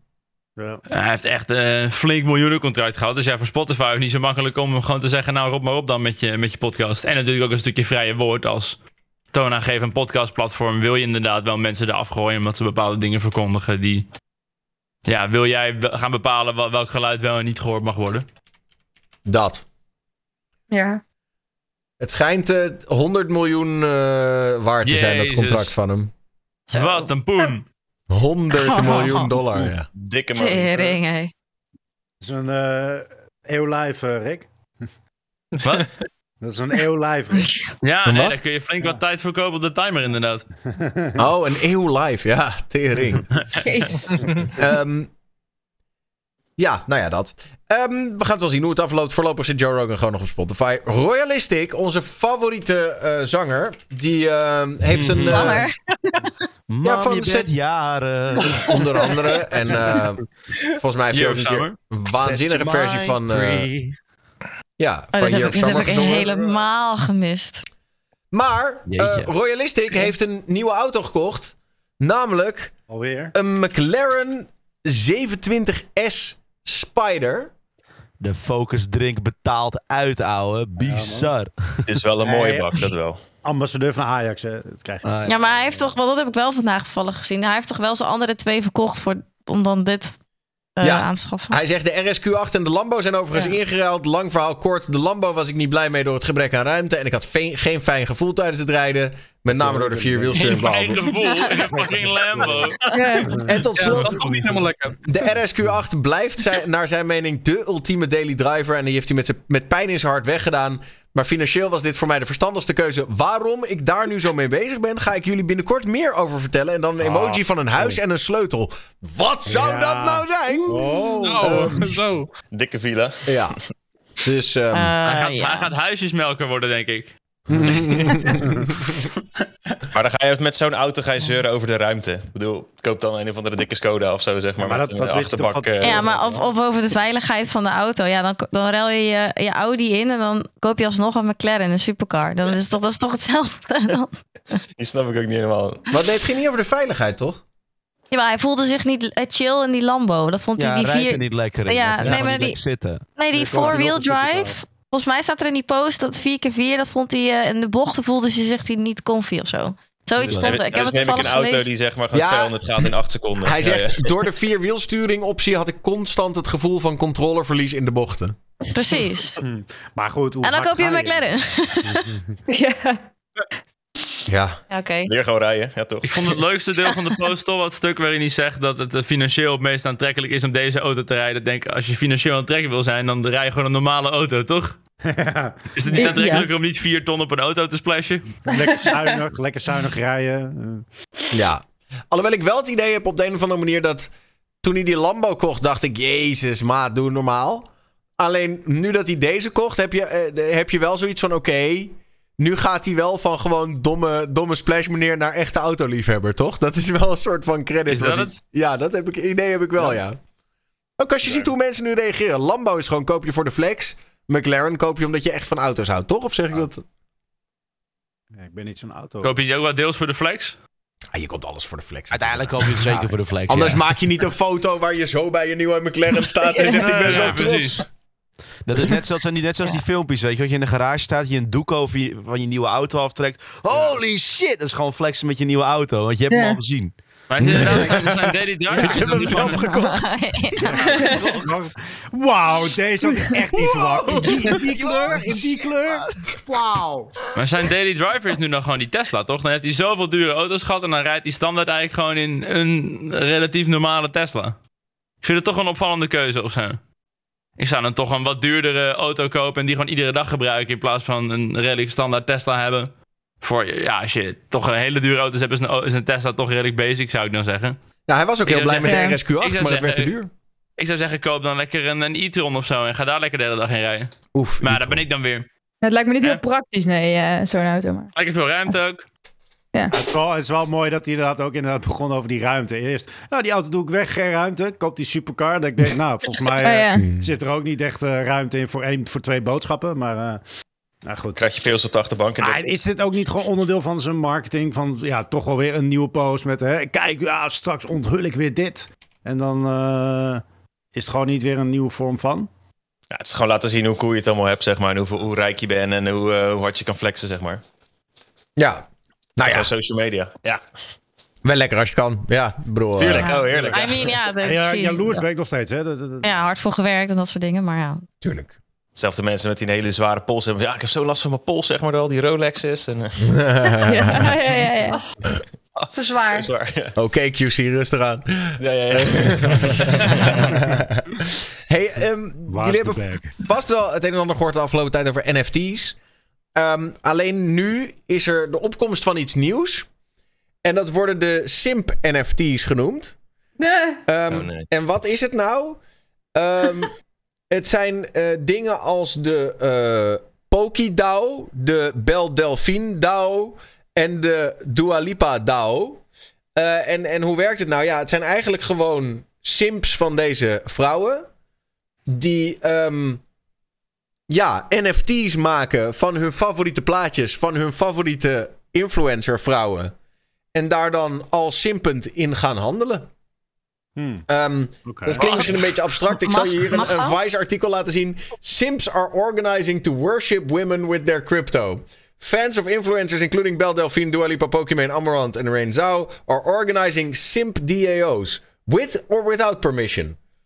Nou, en het is dus eh, zelfs zo erg dat eh, sommige dingen worden dus gelanceerd. Dua Lipa DAO is selling images of the singer, claiming to be a global organic movement aimed at disrupting the simp economy. Ja. Ja. Simp economy. Ja. Wauw. Dus, maar het, eh, het ding is natuurlijk dat die mensen hebben helemaal geen toestemming om NFT's van die vrouwen te verkopen. Eh, maar die denken, ja, eh, luister, eh, alles voor de simpings. Ja. Nice. Ja.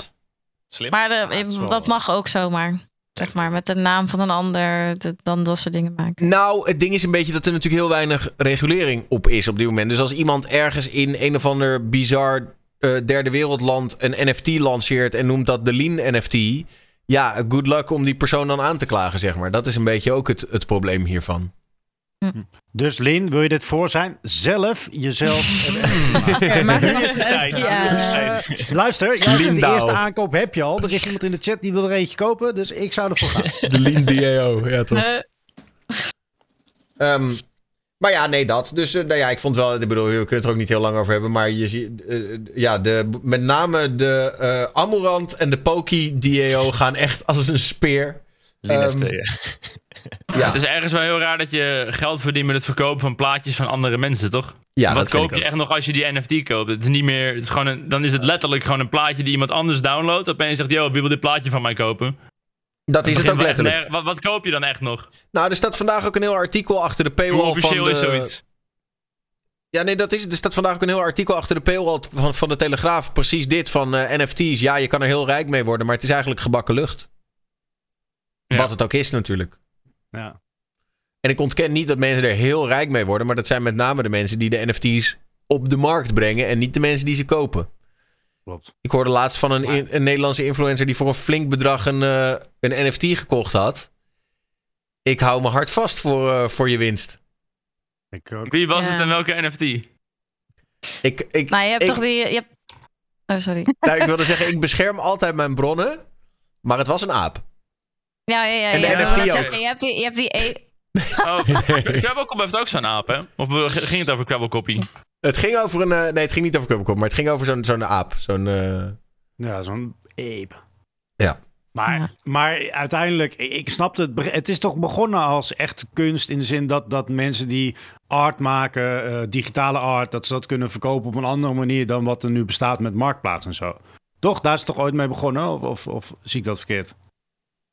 Sorry, waar is wat mee begonnen? Eh, De, de NFT's zijn toch begonnen als digitale art, dat ze dat op een andere manier kunnen verkopen dan bijvoorbeeld eh, in een galerij of eh, op marktplaats of eh, Ja. op die manier. Toch? Ja, maar Ja, dan zo is het wel begonnen met kunstenaars dan, en zo. Dan, dan snap ik het nog wel. Dan is het gewoon een andere manier om jouw kunst, hè, waar je ziel en zaligheid hebt ingeleefd, om dat te verkopen. Eh, maar ja, nu wordt het natuurlijk uitgebreid, misbruiken, eh, wordt natuurlijk helemaal eh, uit context getrokken, denk ik. Maar Daniel, jij zei net ook van het grootste probleem is natuurlijk dat ze helemaal geen toestemming hebben van, eh, van die streamers, zeg maar. Eh, misschien heb ik dat gemist, maar er was toen toch ook zo'n case met dat er eh, clipjes, stream, clipjes van streamers, was ook iets met NFT's of zo, die werden verkocht. Hoe is dat Ja. uiteindelijk? Is, is die, heeft die gast nog Volgens mij- een dikke lawsuit gekregen? Of, eh? Nee, dat viel volgens mij wel mee, maar hij heeft wel die site uiteindelijk offline gehaald. Dus het kwam eh, eh, offline Ja, gehaald. Er kwam met heel veel bombardie, kwam toen online van oké, je kan nu Twitch clips verkopen als NFT's. Ja. kwamen een aantal grote streamers erachter van hé, hey, er staan allemaal clips van mij op, maar ik heb daar helemaal geen toestemming voor gegeven. Toen hebben ze een eh, zo'n cease and desist gestuurd en toen heeft die gozer gedacht, oh kut, en die heeft gelijk die site offline gehaald en toen was het eigenlijk ook al wel weer klaar. Volgens mij. Nee, NFT's zijn wel echt heel gevaarlijk om in te investeren. Want het is alleen maar gewoon waard wat iemand denkt dat het waard is, zeg maar. Misschien Ja. dat er een paar goede voorbeelden tussen zitten, maar het blijft nog steeds... Ja, je hebt een plaatje en een, een, een string, zeg maar, aan, aan tekst en succes ermee. Dat is wat, wat jij zegt dat iets waard is. En als iemand zegt, ja... Als iedereen gewoon globaal zegt van ik vind niks meer waard, dan is niks meer waard. Dan Ja. ben je gewoon dat geld kwijt, Ja. zeg maar. Zeg je nu, ik heb al mijn spaargeld erin gepompt. Ja, Kut, sorry, Ja, net, net snel even een paar gekocht. ja. Ja, man. Ik heb nog wel Misschien, misschien Lean NFT, zeg maar, dat het nog wel, eh, nog wel leuk is, zeg maar. Ah, die gaat, die gaat booming. Lean NFT gaat omheen. Ja, die kijkt wel eh, sipjes. Maar... Ik eh, doe even snel het eh domeinen registreren. Ja, dat zou ik zeker doen. Gewoon goeie, man. Lean Lean. FT. Lean FT, ja. Ik heb nog een paar korte nieuwtjes. Eh, Femke Louise eh, wil eh, stappen ondernemen tegen Roddelpraat. Want Roddelpraat heeft afgelopen week, ik weet niet of jullie dat gezien hebben, een soort nummer gereleased. Twee Ehm, vingers in de lucht. ja, het schijnt zo te zijn dat ehm, Femke Louise heeft ooit een soort diss-track gemaakt naar Spec, het managementbureau van Ali B. Zo van, hé, hey, luister, je hebt me genaaid en bla bla. Toen heeft Roddelpraat afgelopen week de hand weten te leggen op dat nummer en heeft het naar buiten gebracht. En die zeiden erbij, zie je wel, Ali B heeft ook Femke Louise verkracht. Um, waarop Femke nu zegt, nee, hij heeft me alleen zakelijk genaaid. Verder is het allemaal wel weer oké en uh, laat mij met rust, laat mij hier buiten. Um, nou, dat. Okay. Is het wel confirmed dat het nummer over spek ging dan? Volgens mij was dat wel redelijk duidelijk als je die tekst inderdaad hoort. Dat het wel over een soort van management ging. Of in ieder geval zo'n soort. Is, nou, is het nou ook echt confirmed dat het vanuit haar komt, die tekst? Is dat Ze nou het gezongen? Ja, ja, je hoort haar het ook wel. Ja. Oké, oké, oké, oké, oké. Ze heeft in het filmpje volgens mij naar RTL Boulevard zo heeft ze gezegd van als artiest schrijf je gevoelens van je af. En op dat moment heb ik mijn gevoelens op papier gezet. Mm -hmm. Ja, man. Ja. Nou, dus dat. Dus uh, we gaan wel zien hoe dat afloopt. Dan uh, stond er vandaag een artikel in de krant over actrice Chris Jolles. Zij speelde Diane Alberts in GTST vroeger. Uh, en was dus best wel een grote actrice en dagelijks op televisie. Maar die is nu buschauffeur in het noorden van het land. daar is ze heel gelukkig mee. en ze zegt, vooral ben ik blij dat er niet meer zoveel vieze slangen zich in dit wereldje begeven. dus ze is heel blij dat ze uit Hilversum is. Oké. Okay. vond ik wel grappig. En tot slot, Noord-Korea blijft maar supersonische raketten testen. Ik weet ook niet waarom, maar ze hebben er recent weer een getest en uh, dat. Lijp. Ja, Wat bedoel je precies met supersonisch? Uh, ja, dat oh, ze sneller ja. gaan dan het geluid en dus uh, heel snel aan de andere kant van de planeet kunnen zijn. En dat vinden Amerikanen vinden dat eng. Want dat betekent dat je natuurlijk dus vanuit Noord-Korea een, raket, een raket naar Los Angeles zou kunnen schieten. En dat is natuurlijk dat is, eng. Binnen, binnen een paar minuten is de stad weg. Ja, Als, als Noord-Korea chaos wil creëren, dan kunnen ze dat uh, vrij makkelijk doen, heb ik het idee. Ik zeg uh, uittesten op Drenthe en dan uh, zien we hoe het We gaan op Rusland. Almere, toch? oh ja, Almere, Almere. dat is pechstad weg. Ja. Nou ja, en tot slot even de turbo nieuws. Um, en tot slot, of, en zo, tot zover ook deze talkshow. Proxyart, wat ga jij allemaal streamen de komende week? Oeh, uh, komende week Komende tijd. Ja, precies. Niet speciaal iets. Ik uh, wil dit jaar in ieder geval... Het is nog wel leuk om misschien even, nu even uh, gelijk erin te gooien. Dit jaar wil ik de, het Pieterpad gaan lopen. Dus die is van Noord naar Zuid-Nederland, zeg maar. Dus echt vanaf ja, Friesland naar, naar Limburg. Via de Hunebedden en zo ook, toch? Ja, het is, het is 500 kilometer in ieder geval. Het is, dat wil ik gaan, gaan livestreamen, zeg maar. En ik denk dat ik daar wel een week of twee voor mag, mag gaan pakken. Op zijn minst. Uh, die ga ik ook samen doen trouwens met Eetje. Die, die, die vond het ook wel leuk om te gaan doen. En voor de rest, ja, gewoon uh, standaard uh, elke maandagavond live met, met gewoon een beetje community games. En binnenkort ook met een maatje van mij gezellig muziekstreampie. Even een beetje muziekje draaien. Doop, leuk. Gewoon DJ'en. Ja, ja. ja. En daar ben ik heel slecht in, dus dat gaat vaak gaat het mis. Dus dat... ah, doop. Ja. Um, Twitch.tv slash proxyart. Um, gaat daar vooral even, even kijken. En dat, uh, die, die IRL-stream, dat wordt vast uh, spectaculair. Wanneer, wanneer moet dat beginnen? Of dat weet je nog niet precies? Nee, ik moet nog even gaan plannen, want ik zit ook nog met werk natuurlijk en zo. Dus even kijken wanneer dat uh, precies goed uitkomt, zeg maar. Begrijpelijk. Um, Twitch.tv slash proxyart. Rick, uh, sowieso nog 69 uur en 4 minuten aan het streamen, zie ik. Ja, weet ik veel wat ik de komende tijd ga doen. Ik ga zo meteen in de gym. Dat zijn altijd uh, de saaiste stukjes subathon. Dan heb ik in één keer echt 500 personal trainers in de chat die zeggen dat je iedere oefening verneukt. Dat is altijd wel heel tof om te zien. dus dat is echt heel vet. En uh, ik ga binnenkort langs bij Daniel om mijn streamtassen mogelijk even op te lappen. Dus dat is echt premium content. Ik wil nog steeds heel graag iets van een fabrieksrondleiding doen eerdaags. Lijkt me heel leuk om dat AJL te kunnen doen. Aangezien dat soort dingen misschien nog steeds niet helemaal doorgaan met corona en zo, leek me hartstikke leuk als ik uh, op die manier mijn chat daarmee uh, zou kunnen nemen. Maar wat voor fabriek, of dat maak je nog niet eens uit? Nou, ik had uh, hier in Heergewaard zitten leesfabriek. Ik had die eigenlijk aangeschreven of ik daarheen kom, maar ik heb nooit echt een e-mail terug gehad. Ik zat te denken, Sandam is in de buurt. Ik zou daar naar de Saanse Mayo fabriek kunnen gaan. Mm -hmm. ook een verkadefabriek nog hier. De verkadefabriek zit hier ook in de buurt. Ik ga op een gegeven moment gewoon echt alle fabrieken wanhopig aanschrijven of er een fabriek is waar ik naar binnen zou mogen met de camera. Laat me lachen. Aight. Nou, uh, twitch.tv slash Serpent Gameplay. Sof. Ja, wij zijn uh, met de community lekker uh, in, in Minecraft bezig. En ik ben ook van plan om binnenkort de ringfit een keer op te pakken. Ik heb een zit-sta-bureau gekocht, dus het, het kan allemaal. Dus alleen even de drempel over en gewoon lekker gaan, denk ik. Het is gewoon vooral gezelligheid met de community. Ja. Ik zag Fems al in de chat, die, die zie ik ook vaak met de ringfit. Dus je kan altijd om tips vragen. Oké, top. um, lekker, twitch.tv slash soaps. Um, Lien, uh, ja, dinsdag de eerste giveaway naar aanleiding van de bonnetjesprinter. En je ziet hem gaan. Oh ja, het zo. Hij is echt uh, de hele stream. Ik had net een offline hype train level 4. Dus uh, dankjewel, lief chat, voor... Leren daarom, Ja, daarom moest ik af en toe even lachen. Maar terwijl het hele serieuze onderwerpen waren. Maar ik zat echt een soort van, oh, stop. de, de, de, NFT's nou ja. komen al binnen, zie ik. ja, maar dit is niet normaal. Kijk dit gaan. Ja, ja nou ja. Nou ja, ik dacht eerst eh, echt dat het een kat was, sorry. nee, nee, dit is een Bonnie Sprinter. Nou ja, uh, uh, dus dinsdag de eerste giveaway. En ze aankomen volgende week zaterdag doen we samen met Nick, Nicky Romero, de tweede editie van de Music Bar stream. Dus dat is superleuk. Dus ja, Nicky Romero en Stream met Lien, daar gaan we live. En, ja. Leuk concept. Wel, wel zelf draaien, hè, Lien? Zelf draaien. Nee, 1, 2, 3 denk ik het niet. oh, oh, oh. Nou, uh, twitch.tv slash eh, streamwithlien. Kom even een keertje uh, kijken. Lady Taito. Ja, ik, uh, ik zit nek diep in Assassin's Creed Valhalla. Eindelijk op de kop getikt en eindelijk aan begonnen. Ik vind het een superleuk spel. En verder, ja, kun je art, emotes, dat soort dingen kun je verwachten van mij. Niks bijzonders, maar wel gewoon lekker. gezelligheid, ja toch? Ja, gewoon lekker relaxed. Lekker gamen. Ah, ja, dat. In het Engels. Ja, in het Engels, ja. ja, ja. Uiteraard. Um, Oké, okay, nou, we komen even een keertje kijken. Uh, Lady Taito onder in beeld. Steven. Uh, nou ja, het meest kenmerkende voor mij tegenwoordig is elke woensdagavond om 8 uur uh, een aflevering van het Spreekuur. een één op één interview van 60 minuten met iemand, zeg ik tegenwoordig. Want tot nu toe zijn het alleen Twitch-streamers, maar dat gaat in de toekomst waarschijnlijk veranderen. Um, komende woensdag de vijfde aflevering van het tweede seizoen. Uh, met uh, Nim, uh, een van de twee van het duo van Goed Gemutst. Um, en um, ja, verder gewoon. Uh, ik kijk, de laatste tijd, ik heb net nieuw werk, een maandje. Dus ik moet altijd een beetje kijken hoe ik in mijn energie zit. Ik heb, werk nog even niet aan de hand van een schema, maar aan de hand van ik kom thuis en ik kijk hoe ik me voel. Um, en voor iedereen in de chat die uh, dacht dat ik rotjoch was, dat ben ik niet. Maar vrijdag is er een nieuwe 101 Bars op het YouTube-kanaal van 101 Bars. Dus dan moet je daar even. Um, Moela B6 is hard, bro. Dankjewel, dankjewel.